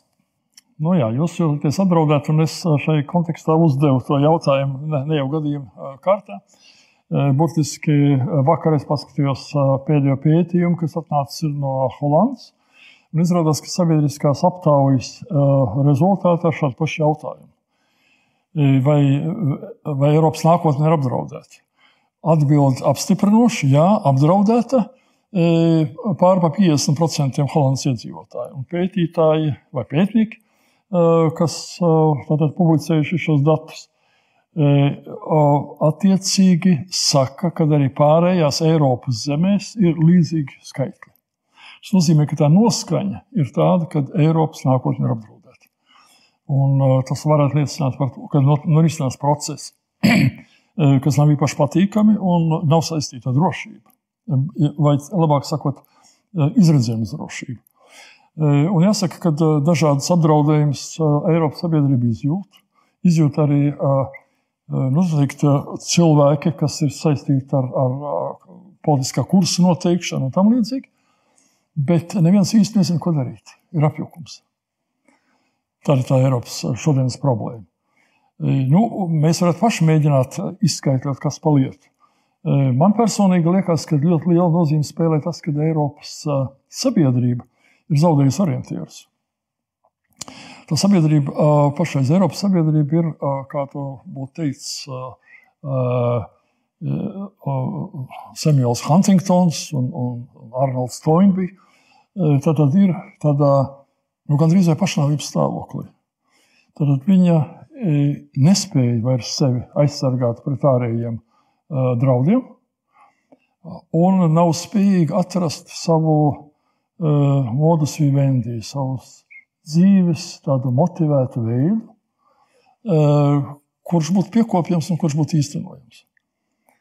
Vēl viens sižets, kas man liekas, ir saistīts ar to, ir, ir, ir tā tāda nopietna lieta, ka pirmais, kad nav, nav motīva. Cilvēki vienkārši dzīvo, kā latvieši saka, Bet labs izteiciens - dzīvo nost. Bet kas būs rīt, kas būs parīt, kas būs ar bērniem, ar mazbērniem? Nekāds jēgas nav. Tas ir slikti. Otra lieta, kas ir tāds slasts, ir, ir progress. Progress ir iedzinis mūs visus slazdā, un te ir jāsaka tā par visu pasaules iedzīvotājiem. Nu, piemēram, viens no Eiropas uh, izzušanas vai apdraudējuma uh, faktoriem ir zemā dzimstība, kas nekur Eiropā nepaceļas pār pa 2,1, kas būtu tas sakramentālais cipars, kad Eiropas dzimstības līmenis ir nemainīgs un atražojās iedzīvotāji tikpat daudz, cik pašreiz, pašreiz ir. Tas nav sasniegts. Un šeit iemesls ir viens no tādiem iemesliem, ir, protams, progress dažādas izpausmēs. Nu, viena lieta, labi zinām, urbāni, urbānā vide. Mēs, mēs dzīvojam urbānā vidē, un tur, kur viņas vēl nav, tur viņi veidojas ļoti aktīvi. Iedzīvotāju pieaugums samazinās līdz mīnus skaitļiem. Nu, vēl viena lieta ir ļoti slikta. Mēs daudz ieguldām medicīnā, mēs zinām, cik medicīna maksā. Ne? Individuāli, cik viņi maksā, viņi maksā kolosāli skaitļus kopumā. Bet ko mēs ar to darām? Ar šo medicīnu mēs vairojam cilvēkus ar veselības defektiem. Un viņi reproducē jaunas paudzes. Arī zan, ne īpaši vesels cilvēks. Un tādējādi šī nu, reproduktīvās veselības potence ir, ir, ir ļoti pazeminājusies. Atkal viens faktors, kas veicina tātad, zemu dzimstību un nepieciešamību pēc imigrācijas. Un tad jautājums nākamais par imigrāciju. Ko mēs ar to darām? Un šī imigrācija, protams, ir zināms apdraudējums. Nu, un te, te nu jautājums ir tāds, nu, kādi ir tie mūsu tad, tad, dzīves uzstādījumi? Vai tas ir apdraudējums vai nav apdraudējums? Labs jautājums. No vienas puses ir tā, migrācija mūžīgi bijusi, tas ir bioloģisks fakts, un tur, kur pietrūkst pārtikas, tad cilvēki dodas projām, tur, kur ir pārtika. Tas pats vienkāršākais variants. Un skaitļi to labi apstiprina. Piemēram, no migrantu skaita 80% ierodas no vietām, kur trūkst pārtikas. Tad tas nozīmē, ka bats dzēna tos cilvēkus uz priekšu. Bet kas tad ierodas? Ierodas cilvēki, kuri, kā izteicās viens somu parlamentārietis, kuri nevar Somu sabiedrība, viņš par to sabiedrību runāja. Tad Somijas sabiedrībai nevar piedāvāt nekādus pakalpojumus, ko Somijā gribētu pirkt. Citiem vārdiem sakot, ir pilnīgi cilvēki nederīgi tai sabiedrībai. Viņam nav nekādas speciāla, specialitātes, kas būtu noderīga tur uz vietas. Nu, tur ir tā problēma. Uh, un, un te nu ir labs jautājums. Vai mēs šo imigrāciju pieņemam un tās sekas, vai mēs viņu nepieņemam. Kāpēc mēs viņu pieņemam un kāpēc mēs viņu nepieņemam? Atkal tas domāšanas un uzstādījuma jautājums ir. Un tad mēs varam spriest, vai tas ir apdraudējums vai nav apdraudējums. Jo dabas process iet. Daba nemīl tukšumu. Kur ir tukša? Eiropa ir tukša. Jā, tad uh, iet cilvēku plūsmu uz turieni. Profesor, kādi ir bēgļu krīzes galvenie cēloņi? Kāpēc tas no, no kā viņi bēg? Nu, beigšana, es jau pieminēju vienu Jā. no iemesliem. Nu, ja mēs tā palūkojamies skaitļos, tad tā statistika ir, ir, ir tā labi iezīmēta. Viņai gan ne obligāti jāvajadzīgs ticēt. Bet esošā statistika liecina par to, ka 50% no bēgļiem, kas ierodas Eiropā, bēg no kara rajoniem, no kara reģioniem. Nesenajā pagātnē tas, tā bija Sīrija, tā bija Irāka, e, tā bija un ir Afganistāna, e, mazākā mērā e, Bangladeša, Dienvidu Sudāna. Tas ir tās vietas, no kurienes notiek šo, šī bēgļu emisija. Protams, ka šeit arī ir iesaistīts bada faktors, tāpēc, ka karojošās, nu, ja valsts, ja tās zemes, kurās notiek karš, dabiski, kad viss kā trūkst, un, un ēdienas ir viena no tām. Tā tad ir cilvēki, kas bēg no kara, bet es saprotu, ka ir arī cilvēki, kas vienkārši meklē labāku dzīvi. Nu, tie, kas meklē labāku dzīvi, tie ir tie otri 50%. Apmēram 50%. Jā, puses puses. Un, jāsaka, ka viena daļa no tām labākas dzīves meklētājiem sevi uzdod arī zin, par visādiem karu upuriem un tam līdzīgi. Viņi saprot, ka tā ir vieglāk dabūt patvērumu tiesības un nu, juridiski noformēties un tikt iekšā vienā vai otrā Eiropas zemē. Bēgļu izējas valstu politika kāda ir? Viņiem ir kāda stratēģija vispār? Principā dažām zemēm ir, nu, vismaz to, ko es zinu. Man nācies runāt ar, ar vēstniekiem, nu, ne, šore, ne, ne šobrīd strādājošiem, tā kā viņi paliks anonīmi iepriekšējos gados ar Ķīnas vēstnieku, ar Turcijas vēstnieku. Un kā viens tā otrs. Tā tad žēlojās. Nu, ar, ar Turcijas vēstnieku sarunu bija tad, kad Turcija jau koķetēja ar Eiropu. Un mēs runājam par to Turcijas vēlmi iestāties Eiropas Savienībā. Un uh, vēstnieks teica, nu, ziniet, patiesībā sakot, mums jau daudz neinteresē tā Eiropas uh, Savienības, tā teikt, dalības savienībā, bet mums vajadzētu atvērt robežas. Es saprotu, kāpēc. Viņš saka, saprotiet, mums ir uh, katru gadu iedzīvotāju pieaugums viens miljons. Tas nozīmē, ka katru gadu mums ir jāsagādā viena miljona darba vieta. Un tādas iespējas viņš saka, mums nav. Un tāpēc mēs ceram uz uh, šo, teikt, uh, pieauguma daļu, ka viņi emigrēs uz Eiropu. Tas ir tāds saimnieciskais aprēķins. Ķīnas vēstnieks arī teica, nu, šeit jau var braukt, ziniet, pusstundu ar auto un viss ir tukšs un tukšs. Bet iedomājieties, ja jūs tagad atvērtu robežas un laistu ķīniešus iekšā. Šeit kāda būtu rosība? Kāda rosība būtu? Uh, nu, Ķīnai arī dzen, uh, lielais iedzīvotājs skaits prasa tad, tad teikt, tas, īpaši, īpaši politika, imigrācijas politika. Un Ķīna to ir bez īpašas afišēšanas, to ir vienmēr pie kopus. Un censies vienu daļu Ķīnas iedzīvotāju teikt, sūtīt uz ārzemēm, zem, dažādiem, zem dažādām izkārtnēm. Viena daļa tie ir studenti, kas apgūst rietumu tehnoloģijas, mēģina iestāties arī Eiropā darba, citi ir veiksmīgi, citi atgriežas Ķīnā un ar Eiropas universitāšu diplomiem var labi iekārtoties. Tur nu, ir dažādi varianti, bet tā iedzīvotāju eksports uz citām zemēm, viņš ir, tā ir esoša pastāvoša lieta.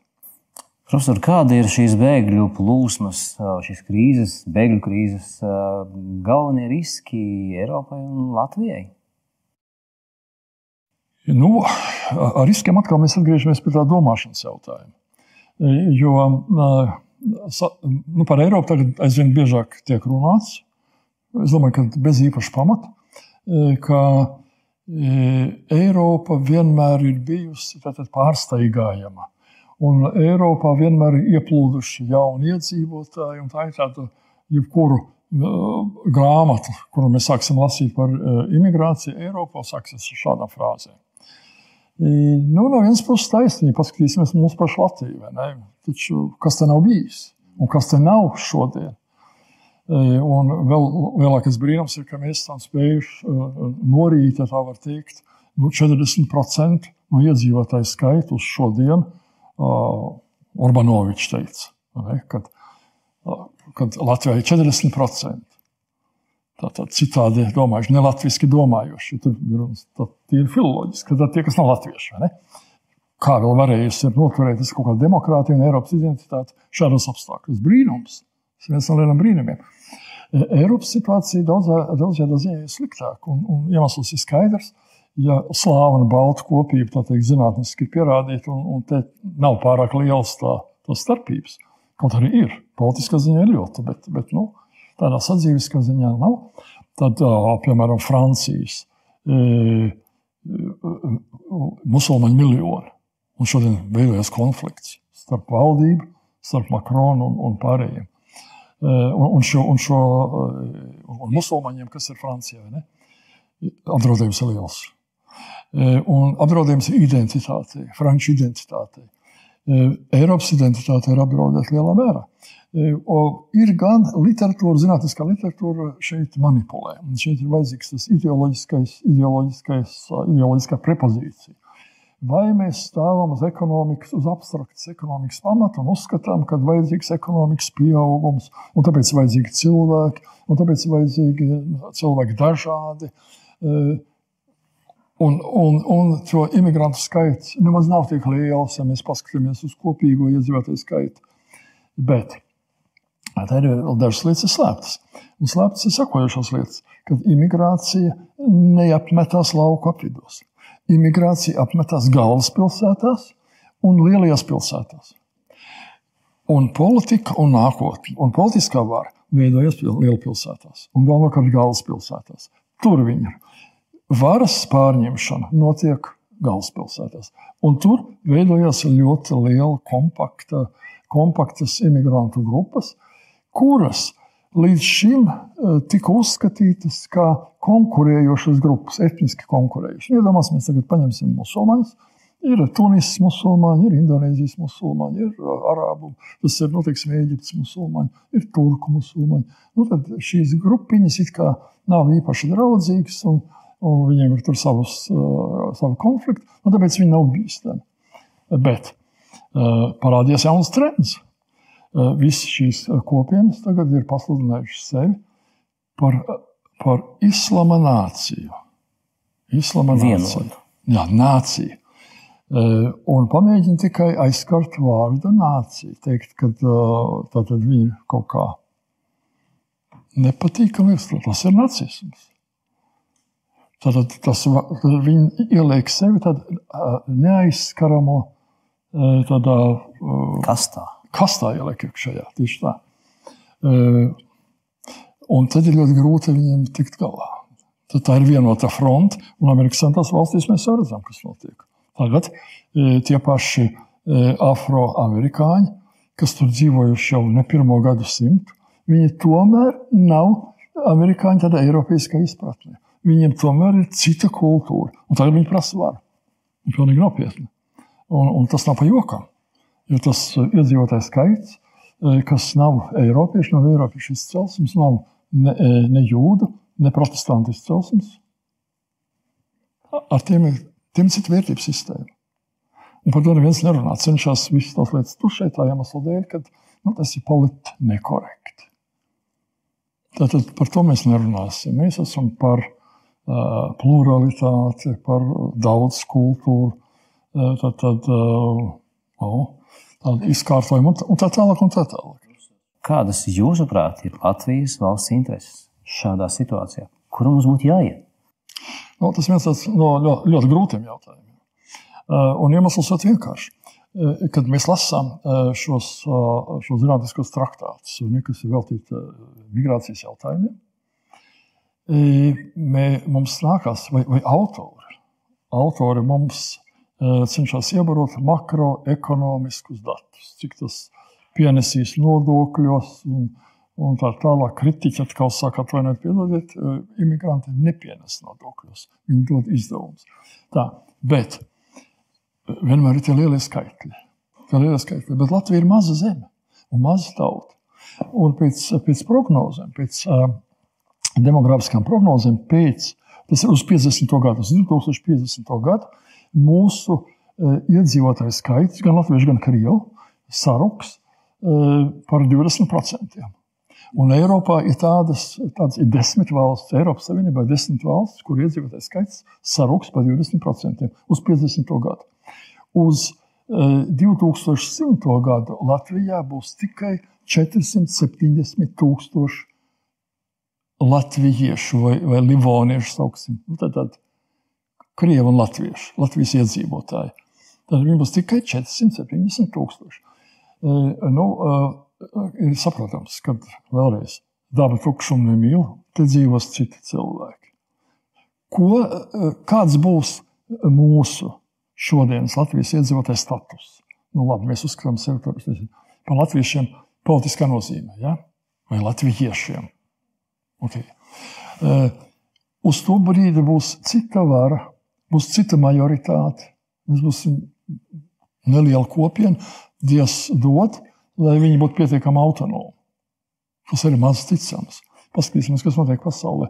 Uh, maza alavītu minoritāte, niecīga minoritāte Sīrijā.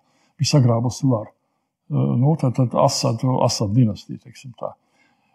Pilsoņu karš ilgi 11 gadus. Beigās nāk Krievija palīdz, un tāds Asads turās pie varas, un nekas viņiem nenotiek. Pastīsimies, kas notiek Baltkrievijā. Tagad jau runā skaidri par to, ka tas balons nopūšās. Cilvēki neko nevar izdarīt pret vienu diktatoru, kuram ir armija. Pastīties Maduro, Venecuēlā tas pats. Tātad ir iespējams, ka viens diktators ar nelielu sauļu, savu roklaišu, viņš var uzkundzēties un izdarīt visu, ko ar tautu, ko viņš grib. Situācija nav laba šobrīd. Un tas nozīmē, ka Latvijā vajadzētu ļoti nopietni domāt par savu nākotnes izkārtojumu. Nu, tāda parasta frāze ir Igaunijā. Igaunija nav šo desmit valstu skaitā, kur iedzīvotāju skaits sarūks par 20 miljoniem. No viņiem ir demografiskā politika. Un viņi ir varējuši asignēt līdzekļus, lai uzturētu teiksim, interesi, veidot lielākas ģimenes. Tātad Igaunijā tas nedraud, bet tas nenozīmē, ka Igaunijas iedzīvotāju kopskaits arī nu, vismaz procentuāli attiecībā pret bēgļu spiedienu nesamazinās. Un pēdējais par Eiropu sakot, Eiropa ir vienīgais kontinents. Nu, iedzīvotājs skaits pēc prognozēm visur samazināsies. Bet Eiropa ir vienīgais kontinents pasaulē, kur iedzīvotājs skaits absolūtos skaitļos stabili krīt, un tā ir vienīgā brīvā uh, vieta, kur dzīvot visiem. Āfrikāņiem, aziātiem. Tad, tad lūk, tāda ir tā realitāte. Un šajā situācijā Latvijai, es domāju, arī nav skaidrs redzējums. Uh, kā mēs dzīvosim tālāk, ņemot vērā šo, šo apstākļu. Tad, tad viena neliela kopiena, citu tautu teikt, saimē, smuki izsakoties. Un, un, un, kas, un kādas būs mūsu tiesības, un vai viņas vispār kaut kādas būs? Labs jautājums. Ļoti labs jautājums. Man ir tāds noslēdzot to, to šo sarunu. Jautājums konkrēts. Kas, profesori, jūsuprāt, mums šodien būtu jādara, lai rītdiena būtu drošāka? Uh, nu, man liekas, ka no visas man teiktā izriet pilnīgi skaidrs tas, ka vispirms ir vajadzīga strateģiska domāšana. Vajadzīga strateģiska domāšana, ļoti vēsu prātu, uztverot realitātes, kādas pastāv apkārt, un apdraudējumus. Mēs visi esam par drošību. Mums ir vajadzīga skaidra, mums ir vajadzīga skaidra filozofija. Mēs nedrīkstam jaukt dažādas lietas. Eiropā viena no problēmām, kas arī skar lielā mērā mūs, un te bija diskusija teiksim, 15. un 16. gadā, kad bija tā bēgļu krīze, kad mēs, latvieši, sevišķi no emigrantu puses, kad mēs, latvieši, tāpat bijām bēgļi, mūs tur uzņēma, un tas būtu cilvēcīgi un tā tālāk. Okay. Es piekrītu, ka tas varētu tā būt, un lai tā būtu, piemēram, kaut kādā reliģiskā sfērā, lai baznīca rūpējas par šiem cilvēkiem. Bet ir otrs jautājums. Valsts priekš kam pastāv? Valsts pastāv priekš tam, lai aizsargātu savus, savas valsts pilsoņus, lai aizsargātu viņus materiāli, lai aizsargātu viņus no militāriem draudiem, lai aizsargātu viņu kultūras vērtības eh, un tā tālāk. Eh, šodienas trends pasaulē ir eh, globāla pasaule kad visi runās vairāk vai mazāk vienā valodā, visi domās vairāk vai mazāk vienādi, ēdīs vienu to pašu, ģērbs tos pašus džins un tā tālāk. Un tā tālāk. Bet uh, kultūra ir sava ekoloģija. Un mēs zinām, ka ekoloģiskā krīze ir tur, kad, kur pazūs, pazūd uh, sugas un, un uh, uh, kur pazūd sugas. Kultūra izzušana no, no kopīgās kultūra ekoloģijas ir bīstams process kultūrai. Viņa sabruks. Un tā eh, cilvēks dzīvot nevar. Eh, tas process nav labs tādā ziņā. Un mazas kultūras, tādas kā latviešu kultūra, kā igauņi, nezinu, kā, kā eh, vēl kāda cita tauta kultūras, ir svarīgs elements. Mēs to bieži nevaram saskatīt, bet bez tā cilvēks vairs nebūs cilvēks. Paldies, profesor! Mums ir par ko padomāt.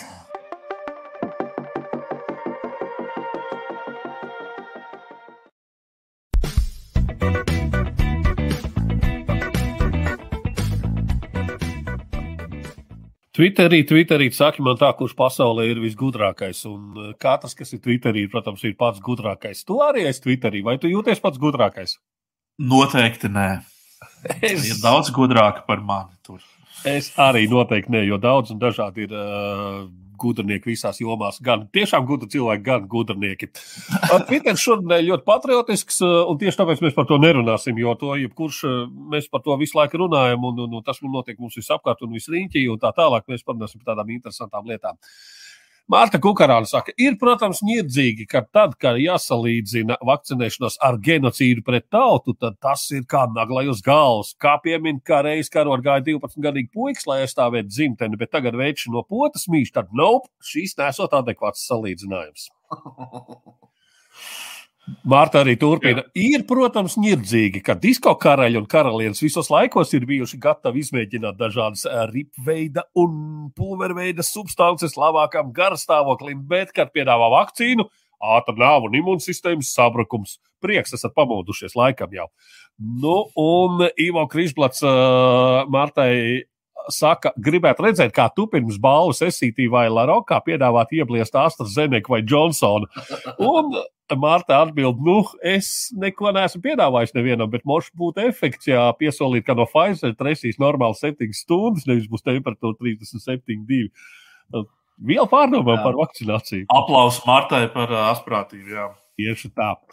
Uh, Elīna Kursīte. Klausos zaļumbaļu, hī... zaļumbaļu. Tā ir, jā, zaļumbaļu hīmnu. Nu, ar Elsberga tekstu. Uh, vai tad nepieskarsies ne mūžam, neviens pie šīm krūtīm, šīm kājām, šīm gūžām. Man jau sāk galvā skanēt tā melodija. Ja? Un es domāju, cik mums vispār ir dziesma, kur piemin gūžas. Cik tos ir dziesmas, kur piemin gūžas? Gan jau labvēlīgais tips var kaut ko tādu dziedāt, tā kā es pieļauju. Es neesmu dzirdējis, man liekas, tā ir vienīgā metronoma dziesma, kur tas ir. Zana saka, šī ir vienīgā, tomēr par laimi Elita ar savu vīriešu manā gūžā ir aizpildījuši šo lielo tukšumu. Žetons zanēt. Ralfs, domāju, ka neviena vairāk nav. Atceros, ka Grodams savulaik pateica, ka tādu vārdu viņš nedziedās un aizstāja to ar slūžām. Tas ir vēl krūtāk, klausies, vai tad nepieskārsies neviens nekad pie šīm kājām, šīm slūžām. Tas jau vēl kaut kā dīvaināk sāk izklausīties slūžas, tā kā kaut kas liels un atvērts, vai ne? Laižam. Eh, Sarmīta Kolāts saka, jā, gūžas ir uzreiz kaut kā neiedvesmojoši. Lūk, gurni, viņas viduklis, līnijas plūdums, bet te gūžas. Uzreiz nāk prātā rindas uz gūžas operāciju. Uh, Viestors uh, Radovits, es vairāk domāju, kāpēc jādzied par pieskaršanos meitenes gūžām, kura vēl spēlējas ar lēlēm. Viņš ir vēl tālāk aizracies. Jautājums būs te tekstā autoram Klāvam Elsbergam. Ja? Un Valdemārs Broģis saka, dzirdot šo dziesmu, cenšos to ignorēt, jo tā reāli ir pornogrāfija. Nu, es gribētu atzīmēt, ka Valdemārs ir tas džeks, kurš klausās tikai augstvērtīgu latviešu izcelsmes mūziku. Tā kā tā. Broģi klausās. Jā, tā vēl manā burbulī izskanēja šāds te. Uh, teiksim, kā lai saka, Rāns. Ja.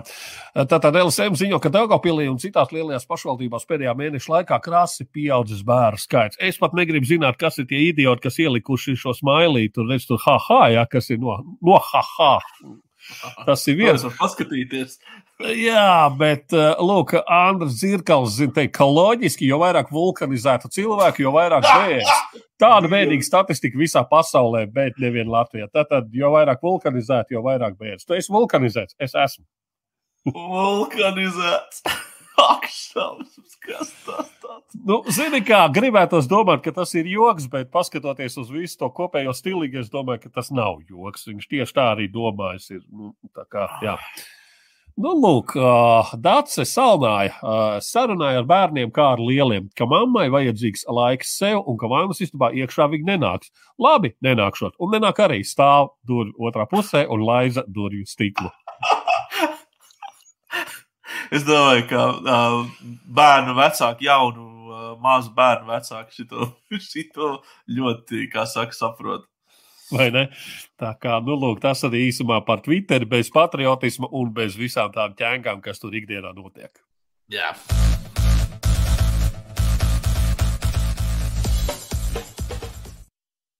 Mēs, protams, esam kaut ko arī klausījuši, klausījuši, klausījuši vecākus, klausījušies, skatījušies un arī lasījuši. Un, es saprotu, ka mm, Edgars, tu droši vien esi klausījies kaut ko ļoti inteliģentu, noteikti, vai ne?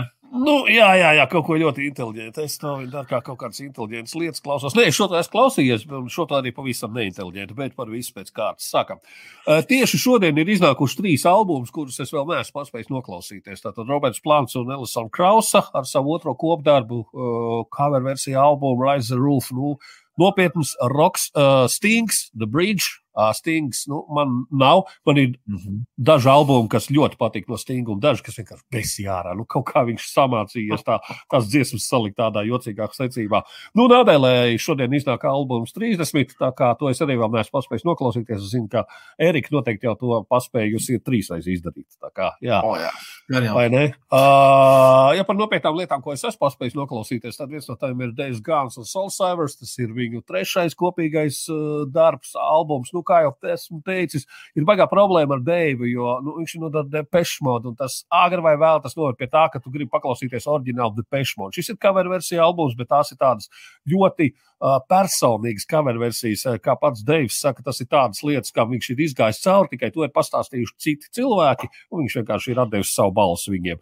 Jā, nu, nopietns albums nopietniem uh, ļaužiem. Nu, varbūt ne tas spilgtākais, no, ja, ja tā runājam par šo te a, a, a, abu mākslinieku sadarbību.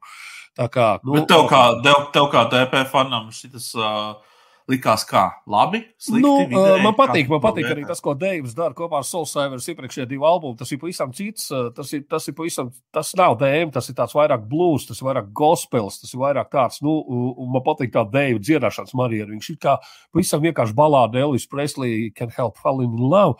Viņš dzied, dzied, dzied, bet viņam tas rā, kaut kādā brīdī parādās tas iekšējais tas spēks, tas tāds, tāds, nu, tāds, tāds agresīvs. Nevar, nevar apvaldīt. Jā, jā, jā, jā nu tā tā viņa firmas zīme ir. To viņš arī ļoti izmanto dēmu. Tas varbūt arī ir tas, kāpēc uh, gribās uzreiz klausīties kaut kā tādu. Uh, es esmu redzējis pat koncertus, nu, ne dzīvē, bet uh, DVD versijās, kur uh, viņi kopā uzstājas. Un beigās, protams, nu, visa pasaule zina, no kurienes ir dēļ. Viņi uzdzied kādu dipašmaudu dziesmu, vai nu Personal Jesus vai Enjoy the Silence. Un, un nē, nedara tā vecīt tās ir jādzied ar savu mājas grupu, ar savu dzimto grupu, jo tur ir spēks, tikko to izpildīt kaut kādu citu džeku. Nu, tas vairs no tās. Jā. Mm. Okay, uh, Eriks Kleptons, Lady in Balkanī, uh, lockdown sesijas. Nu, tas ir tas džeks, kur es, par kuru es vienmēr saku tā, ka, ja vien tu neesi Eriks Kleptons, netaisa akustiskos koncertus, bet Eriks Kleptons laikam ir Eriks Kleptons, un tad viņš droši var taisīt akustiskos koncertus. Viņam atcēla lockdown, uh, atcēla visus tos uh, Albert Hallā paredzētos koncertus, un tad nu, viņi baigi tā, nu, kā saka, ne, nu, saskum jau, bet viņi ierakstīja to materiālu pāris vakaros sesijās visā šajā. Nu, akustiskās versijas par labi zināmām blūzas tēmām. Uh, Eriks Klepons pats savus dziesmas izpilda, atkal mazliet savādākās versijās, atkal savādāk. Uh, Veču spēles tehnika un profesionālitāte ir vienkārši tāds kosmos, ka tu tur vari klausīties uh, šīs versijas, nu, mutu pavērs. Kā, kā, kā, kā to var nospēlēt? Tev taču tikai desmit pirksti, vai ne? Nu tā, tā kā nopietnās mūzikas cienītājiem iesaku. Nu, un troksnis ir, uh, troksnis ir projekts no Latvijas. Tas ir uh, vīrs vārdā Pēteris, tūlīt pateikšu, Ozols. Man jūka, es nezinu, kāpēc es gribu nosaukt viņu par Pēteru Kļauju. Es nezinu, kāpēc. Bet, Jā, bet Pēters Ozols ir uh, vīrs, kurš ir sadarbojies gan ar kasetēm, kā skaņu, Uh, tehniķis, gan ar karnevālu jūtu. Uh, viņš arī pats spēlē grupā Polifauna un uh, Pirācijas, vēl visādās tādās grupās. Tā kā jā, nopietns cilvēks, un viņš trīs gadu laikā ir uztaisījis savu elektroniskās mūzikas albumu. Un jāsaka, tas nav troksnis. Tas nav troksnis, nav tas tāds skaņu meža versija, kur groz podziņš un klausās, kas tur beigās sanāk, ja kā tā skaņas līkne veidojas. Šis ir uh, nopietni elektronika, baudām, klausām ar ritmiem, ar basiem, ar melodiju un ar, ar, ar vispārējo ar stāstu tajās kompozīcijās. Tās ir instrumentālas kompozīcijas. Un, ja par nopietnām lietām, tad pēdējais, ko šonadēļ no nopietnā plaukta, tas Jānis Šepkevičs ar tālo stāvrētāju, tā, protams, ir Blaumaņa poēma. Un tas savā laikā tika uzvests kā nu, kā uzvedums. Tur modes teātrim ar tērpiem un tā, un tāpēc tas arī izklausās, man liekas, ka tas ir ierakstīts tajā laikā, tajā vietā. Tas nav studijas darbs, vismaz tāpēc skaņas es ņemos spriest. Augstās plaukts, zini, tas ir augstais plaukts, tas ir akadēmiskā mūzika ar ambiento mūziku, ar tādu performanci. Nu, katrā gadījumā patīkams pārsteigums no šipsī puses, kur tu esi pieredzējis redzēt instrumenti vai ne visu laiku. Bet, bet, bet tu noklausies, ja šito? Es noklausījos, jā. Jā, okay. Es vienkārši es tieši uz viņu skatījos. Es domāju, varētu pamēģināt, bet uh, kaut kā nesaņēmos. Bet tagad, kad tu saki, tas sestdienas svētdienas. Uh, jā, zini, kā vienīgi, nu, ja tas, nu, jā, uh, man kā ambientās mūzikas frīkam, uh, man tā skaņa liekas bišķīt pa saspiest, bet tad tu saproti, ka tas ir, ja, ja tā ir performance, ja tas ir live ieraksts, tad tur viss ir kārtībā. Mhm. Jā, tu, tā, kā, jā. Nu, nopietns darbs, jā, tā kā. Nu, lūk. Jā, nu te mana, mana lieta. Uh, arī M, protams, Man on the Moon. Nekas jauns. Jau galvā skan. Precīzi. Jā, Man on the Moon. Jā, uh, bet tā lieta ir tāda, ka šeit ir mazliet stāsts drusku plašāks, tāpēc, ka es vienkārši vienu vakaru rakājoties internetu zīlēs, uh, uzgāju tādu stāstu par tādu vīru kā Endiju Kaufmanu. Un Endijs Kaufmans, es uh, nekad agrāk par viņu kaut ko nebiju dzirdējis. Man viņš ir atklājums. Uh, izrādās, ka tas ir uh, bijis uh, nu, 70. gados, 60. 60. beigas, 70. sākums. Uh, vīrs, kurš, uh, kurš uh, arī 80. un 80. arī sākumā vēl bija uh, uz skatuves, kurš ir komiķis, bet tajā pašā laikā viņš ir arī wrest, wrestlingā bijis kaut ko darījis. Un viņš ir, nu, var sakot, viņš ir aktieris, uh, performa, performances tāds meistars. Bet tas, kas ar viņu ir ļoti īpašs, ir, ka tu nevari saprast, uh, skatoties uz viņu, tu nevari saprast, vai viņš spēlē vai viņš nespēlē. Viņš visu savu radošo mūžu ir tā arī nav iznācis no tā tēla. Un neviens nav sapratis, vai viņš ir viņš šobrīd, vai viņš ir kādā tēlā šobrīd. Un šis ir ļoti interesants stāsts. Tur ļoti daudzi mākslinieki, viņi, kas ir bijuši, ir pusi ir sēkuši prātā, pusi ir iesūdzējuši viņu tiesā, puse tur kā, bet ir ļoti daudz ir iedvesmojušies, tā skaitā arī M, kur faktiski ir veltījuši dziesmu Man on the Moon Andiem Kaufmanam. Tā kā tie, tiem, kam ir interese paklausīties šo dziesmu, jūs dzirdēsiet tur atsaucas uz ļoti daudziem Endija Kaufmana radošiem darbiem. Nu, ir tā, jā, ka baigi jāzina Amerika tā populārā kultūra salīdzinoši, lai izprastu arī tekstus vispār kā tādus. Nu, jā, bet dziesma jā. reāli man jau galvā skan, un es iesaku visu to albumu Automatic for People, tas bija, jā, ja nemaldos. Jā, būt, jā. Nu tad, ja jau mēs runājam par Endiju Kaufmanu, tad lūdzu. Tad, tad jā, nu, es teikšu tā, es tad uh, uzreiz uh, veltīju laiku lai noskatītos pilnīgi visu, ko es apmēram varu dabūt, nu, kas man ir par roku, roku sas, sasniedzams par Endiju Kaufmanu. 99. gada Miloša Formana filma Man on the Moon, kurā Džims Kerijs ir galvenajā lomā, viņš ir Endija Kaufmana lomā. Šī ir filma, kuras aizkulises ir redzams Netflix tādā, kas tā ir 2000, manuprāt, ja nemaldos, 17. gada filmu, bet es varbūt varētu arī kļūdīties, kas tā arī saucās Jim and Andy. Tā droši vien tev ir nākamā, vai ne? Jā, Jā. bet tu pasāsti par šito, ok. Es, Kas, nē, es par šo tādu iespēju par šo. Teiksim, tā, nu, tas ir greizi. Nu, protams, ka tas ir jā, jānoskatās.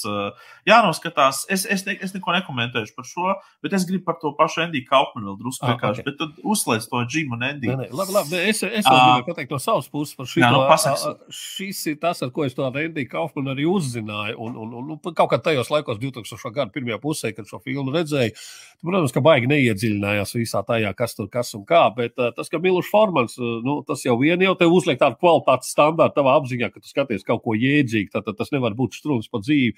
Nu, un tas, ko, ko par to džeku uzzināja, tas, protams, bija bez bremzēm. Nu, tā kā, jā, jā Milo, Mil, Miloš, Miloš Formans tā arī pateica, viņš teica, nu, kad uh, es nekad vairs ar šito nestrādāšu, šo cilvēku, tas ir kaut kas nereāls, tas ir ne, neiespējams. Un tas, kas notika tālāk, ir 17. gada filma, Jā, Jims un Endijs, un tā ir tāda kā pusdokumentāla, viņa dokumentāla filma par to, kā, kā, šis, kā šī filma Men on the Moon tika uzņemta. Un jūs redzēsiet to, ka Jims Kerijs uh, arī iet Endija lomā, un viņš ne, ne, nenāk ārā. Viņš vienkārši nenāk ārā. Visas filmas uzņemšanas laikā viņš ir Uh, cilvēki ir vienkārši uh, nu, make-up artisti, prātā sajukuši tur, uh, tur, tur, tur, tur, tur var sakot, visi tie viņa kolēģi, aktieri, tie ir novesti līdz uh, nervu sabrukumam. Uh, un, un tā tālāk. Un Jims Kerijs vienkārši to dara. Un Jims Kerijs uh, aizkadrā saka, uh, nu, kā, es visu laiku skatos uz tiem cilvēkiem un es domāju, man jānāk ārā no tā tēla, man jānāk ārā. Es, es, es nedrīkstu, tagad es, es vairs tālāk nevaru. Šeit ir robeža, es nevaru pārkāpt šo robežu. Un viņš saka, un es tomēr neizkāpu no turienes. Visu filmas uzņemšanas laiku neizkāpu no turienes. Un Formans arī viņam pateica, nu, kā saka, tur, tur, nu, viņš tur, tur jā, ka tas ir, tas ir Endijs Kaufmans. Nu, jā, jā, es arī esmu uh, visu šo redzējis, arī šo filmu noskatījos. Un, godīgi sakot, man kaut kādā brīdī palika grūti skatīties, kā Džims Kerijs ir pats par sevi sajūsmo par to, kāds viņš krāns pirms 30 gadiem ir bijis, kad, kad, kad, kad viņš tur visus ir reāli izbēsījis tos uh, līdzcilvēkus ārā. Bet, bet, tas ir, bet iedomājies, bet tas ir kas pa stāstu, ka tu esi noturējies līdz galam. Jo nu, es, ne, es man jā, nebūtu iekšā. Man nebūtu iekšā. Es vienā brīdī es saprotu, ja man, ja man uh, piekauj tā, ka man vērt līdz sl uz slimnīcu, ja, un es tad vēl nenā, neiznāku no tā tēla. jā, jā, jā. Ne, jā tad, tad, tad, tad tas ir kaut kas jau next level. Tas ir next level. Labi, tik tālu par uh, Džimu un Endiju un visiem pārējiem. Es noskatījos uh, Daniela Kreiga atvadas Jamesam Bondam, beidzot tik līdz No Time to Die. Nu, uh, no visa Jamesa Bonda, visa tā, tā, tā, tā, tā šļūrs, teikšu, godīgi man. Uh, Kreiga Bonds tomēr likās visiedzīgākais, un tas ir tas, tā, tā, tās sērijas, kuras ir vērts skatīties no visām tām 20, cik tur tām piecām filmām un tā tālāk. Jā, uh, Daniels Kreigs vairs nebūs Bonds. Viņu es varu nospoilot, beigās uzsprāga, vārdu tieši jānozīmē. Tā kā es nedomāju, ka viņi salīmēs pa gabaliem un, un atvedīs nākamajā filmā atpakaļ. Par ko pasaule mazliet ir uztraukusies, jo redz, tas 007, tas pēc tās leģendas, ir tikai numurs, un tas 007 uh, jau šajā filmā jau ir piešķirts melnādainai dāmai. Tā kā pusi pasaule jau ir satraukusies, vai tikai nākamais James Bonds mums nebūs melnādaina sieviete, nu, kas mūsdienu laikmetā, man liekas, nebūtu nekas baigais. Nebūtu pārāk liels pārsteigums. Tā kā jā, nu. Nu, kas šajā filmā ir visbēdīgākais, ir tas, ka uh, Anna Armas burtiski ir 5 minūšu ekrāna laiks, jo visos reklāmas plakātos šī burvīgā dāma ir. Un tu domā, yes, skaidrs, viņa ir nākamā Bonda meitene. Tas nozīmē, ka Bonds ar viņu filmu sākumā pārgulēs, un filmas beigās viņa ņems nelā, ne, nelabu galvu, kā tas notiek ar visām Bonda dāmām. Bet nē, viņa pieskrien uz 5 minūtēm, skaistā, efektīvā kleitā sadod večiem pa purnu, pašaldās, burvīgi pasmaida un viss. Tā kā es nezinu, kaut kur petīcija jāiesniedz par Anna Armas mazo ekrānu laiku šajā filmā. Nu. Jā, nu vēl kāds gabals, ko esam skatījušies. Ai, sāc tu labāk. Nu, nē, sāc tu. Nu, labi. es pat jau runāju. Jā. Es teikšu tā, man ir. Es kaut kā gaidīju šo, jo viņu gan Netflix reklamēja, gan es skatoties visus tos amerikāņu late night šovus arī pamanīju to, ka nu, gala gada ir, uh, ir tiek aicināti uz visiem šoviem un tā tālāk. Un, un, protams, ka nu, galu uh, es esmu ievērojis arī agrāk, nu, kurš tā kā nav ievērojis. Uber, kurš tur nav redzējis? Jā, jā un, un, un, un, un tā. Un, un, un, protams, ka viss tā Hollywood ir tāda mazliet sajūsmināta par šo daļo izrēliešu aktrisi un tā. Bet um, jāsaka, ka šo te es skatījos, un man likās, ka es atkal skatos TV3 svētdienas filmu kaut kādu ģimenei ar bērniem. Nu, tāds, tāda fantāzija un fantastika, ka tur. Nu, Es vienā brīdī es domāju, ah, labi, es padevos, noskatīšos vienkārši līdz galam, tāpēc, ka sāku skatīties. Bet, ja godīgi, tad uh, es teikšu, tā nav, nav jūsu laika vērta. Redz, no tīs tā tad nav jāskatās, jā, tu saki. Nē. No, okay, ne, es arī esmu noskatījies šo filmu. Tā, tā kā tu saki, tāds svētdienas formāts, un pilnīgi tā, lai tas vecuma reitings būtu absolūti maz. Tu pamanīji, ka tur neviens neaiziet bojā. 13, jā, PG13. Pamanīji, ka tur nav neviena līķa, kas tādā filmā liekas, kā tas var būt. Es pēc, tam, pēc šīs, pēc tam nākamā filma, ko pēc pāris dienām skatījos, bija kā reizes James Bonds, un tur, tur protams, man nelikās. tā kā tā. Jā, es arī šo esmu pamanījis. Un Es zinu, ka tu arī esi pamanījis, eh, ka gala gadotas vietā ir jābūt kādai citai dāmai, cik mēs zinām, vai ne? Ah, jā. jā. Tiem, kas neredz, tie, kas nezina, tā ir. Uh, nu, Holivudā viņa būtu Junta Lipentry Miller, mūsu viesgunta liepiņa. Tā kā jā, un es zinu, ka tu to esi pamanījis, un es esmu pamanījis, un vēl pāris ir pamanījuši, kas pazīst guntu un kas zina, kas ir gala gadot. Bet Kas man patīk, uh, tas, ka Guntai ir jābūt Holivudā un jābūt kinozvaigznei, ir ne tikai mūsu idejas, arī viņas mamma uh, domā tieši tāpat, ka Gunta nav savā vietā, ka Guntai ir jābūt Holivudā un jāfilmējas filmā. Un tad es jau tūlīt parādīšu kādu vizuālu, ko man gūta atsūtīja. Nu, es ar viņu saskaņoju šo te, vai mēs viņu drīkstam vēlreiz pieminēt savā blēģi šovā. Es gribētu atgādināt, ka arī Gunts mamma ir ļoti lieliska humora izjūta, un Gunts mamma ir vietējā laikraksta maketētāja. Dāmas un kungi, Gunts mamma domā, ka Guntai būtu jāfilmējas arī šeit. Seks un mazpilsēta.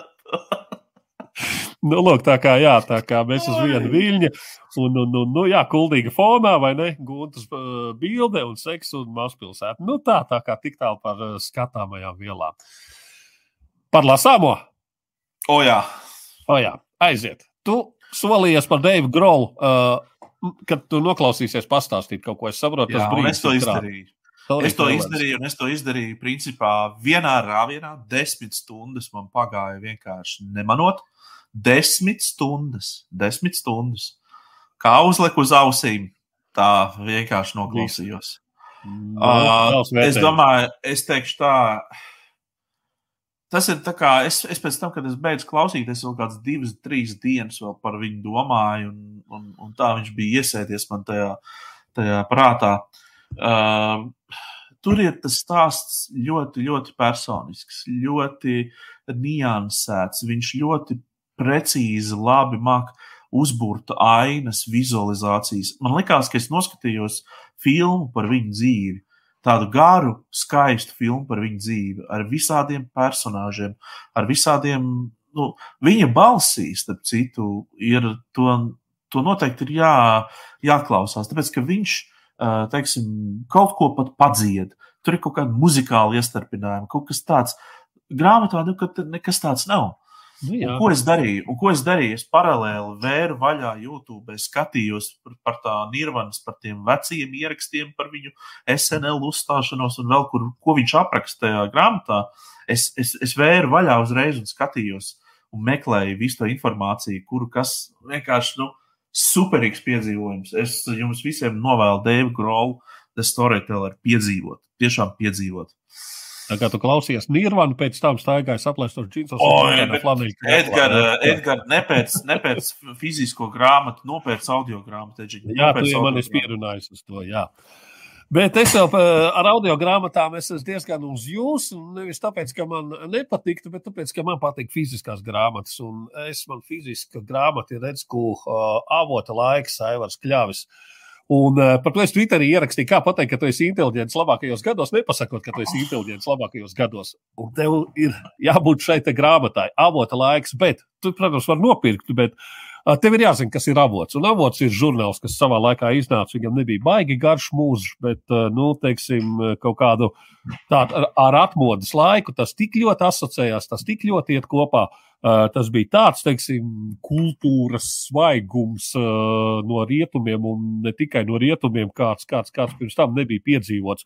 Un Aivars Kļavs bija šī žurnāla uh, redaktors, un te viņš apraksta, kā tas žurnāls tapa, kam piederēja ideja, kāpēc šāds žurnāls iznāca divās valodās, kāpēc bija jāiestājās partijā, lai tu dabūtu kaut kādus amatus un tā tālāk, un tā viņa motivācija un visu. Un, Uh, principā, atceroties to laiku, atceroties avotu žurnālu, uh, to literatūru, kur nu, arī es esmu caur avotu iepazinis uh, daudz un dažādus darbus. Mēs nu, pat arī Facebookā ar vienu klases biedru apspriedām, ko mēs no avota esam atklājuši sev, kas mums vēl joprojām ir uh, tuvu un mīļi kā rakstnieku un kā, kā, kā, kā kultūras tādu, teiksim, darboņu. Tā kā, jā, tas ir tāds dokumentālā proza par to laiku. Nu, un, zini, tas noved pie tā, ka tu gribi atrast tos vecos avotu numurus un kā reiz palasīt to pašu pirmo jā, numuru, jā. kāds viņš tur ir. Līdzīgi kā par Deivu Grolu. jā, jā, jā, jā, jā. Un, zini, un ņemot vērā, ka pirmais numurs iznāk 87. 87. gadā ar tādu atļaušanos, kas jau bija. Tur jāpiezīmē, ka avots bija tas, kas ienesa gan dvēseli puteni, gan Orvela dzīvnieka fermu, gan Daniela Hārmas ar tiem abstraktajiem stāstiem, atsakot ļoti daudz dažādas lietas. Protams, šis tas par mūziku, šis tas par tā brīža, teiksim, kultūru stāvokli vispār. Padomju Latvijā, kur nu, lēnām, lēnām, lēnām jau nu, tieši tas sabrukums, tieši tā neatkarības atgūšana. Tā kā jā, nu, ir interesanti tiem, kas zina, kas ir avots, tiem, kas ir auguši ar avotiem, kuriem avots ir bijis tuvs un mīļš. Nu, jā, un, nu, jā, Es vēl varu pieminēt to, kā Evers, kā, kā žurnālists, kā redaktors, kā rakstnieks, eh, protams, ir nodevis eh, gēnos tālāk eh, savu talantu saviem dēliem, Mikam un Tomam Lūšiem. Ja? Jā. Kā varat pasakot līdzi arī viņu, viņu aktivitātēm, gan sociālos gan portālos. Un tā. Jā, es gribēju to piezīmēt, ja jums liekas aizdomīgi, ka brāļa Lūša ļoti postē šo grāmatu un laiko visu, kam būs. Tad, jā, bet tu jau pateici, kas un kā. Tā kā, jā. tā kā skaidrs, jā, protams, protams, protams. protams. Un tu esi lasījis kaut ko no kļāva arī, teiksim, viņa romāniem vai garajiem stāstiem? Jā, saka, ka nē, es esmu paskrējis garām. Es esmu lietas kursā par to, ka, par to, ka tāda ir un, un zinu pat nosaukumus dažus, bet es, mm. diemžēl, neesmu. Man ļoti spilgti ir palicis atmiņā garais stāsts, es saucu, lai atsauktos. Tas kā reizes sakrīt, es biju tajā vecumā līdzīgi kā tas uh, varonis, kas tika aprakstīts. Bet par to mēs citreiz varam parunāt. Jā, jā. Lūk, uh, no manas puses tas šajā reizē viss. No manas puses arī. Jā, nu jāsaka arī, ka mēs jau, protams, uh, gatavojamies arī nākamajai reizei. Uh, ja, protams, nākamajam iznācienam, un nākamais iznāciens mums ir tieši pēc nedēļas. Uh, Mēs esam aicinājuši studijā vienu uh, kolorītu tipāžu, kuru uh, tie, kuri noteikti ir klausījušies, agrāk skatījušies, ir uh, pamanījuši. Tātad tas ir šis kungs, kurš oh, sūta ārā pa durvīm jaunos Zviedrijas, uh, kā saka, mūziķus un tā tālāk. Tas ir Aleksandrs Bārts. Uh, ar Aleksandru mēs. Uh, Pārunāsim, protams, daudz dažādas lietas, kas ir saistītas ar politiku, ģeopolitiku, šo pašu kancelēšanu un tā tālāk. Viņš ir ļoti vokāls, aktīvs dalībnieks Twitterī. Tie, kas nezina, paskatieties, kā saka, tā, mūsu šova draugs. Tā, Jā, mēs, es, es viņam gribu pajautāt, tā, ka pēdējo reizi mēs runājām ar viņu. Viņš stāstīja, kā viņam riebjās viss šī veco ļaužu būšana mūzikā, ka tas viss ir vecu ļaužu problēmas un tā tālāk. Es gribu zināt, ko viņš domā par abām pusēm. Es, es domāju, ka būs diezgan kas sakāms. Mums Jā, vēl, iespējams būs jācenzē tas teksts diezgan stipri, bet varētu būt interesants viedoklis. Tā kā, jā. Cerams, jā. ka tas notiks nākamajā nedēļā, vai ne? Jā, mēs esam sarunājuši ar viņu. Es ceru, ka tas ieraksts notiks, un, mm. un, un, un saka, nākamajā reizē mēs jums to arī parādīsim. Labi, nu ko, tad esam visu izstāstījuši līdz galam, kas, kas tur mums ir stāstāms. Pasts, ēta diena pēc LV. Vēlreiz tiem, kas uh, vēlas mums kaut kā iepriecināt, tad vienkārši uzrakstiet subjektā es skatos. Jā, vairāk mums ko nevajag. Mums ar to pilnīgi pietiek.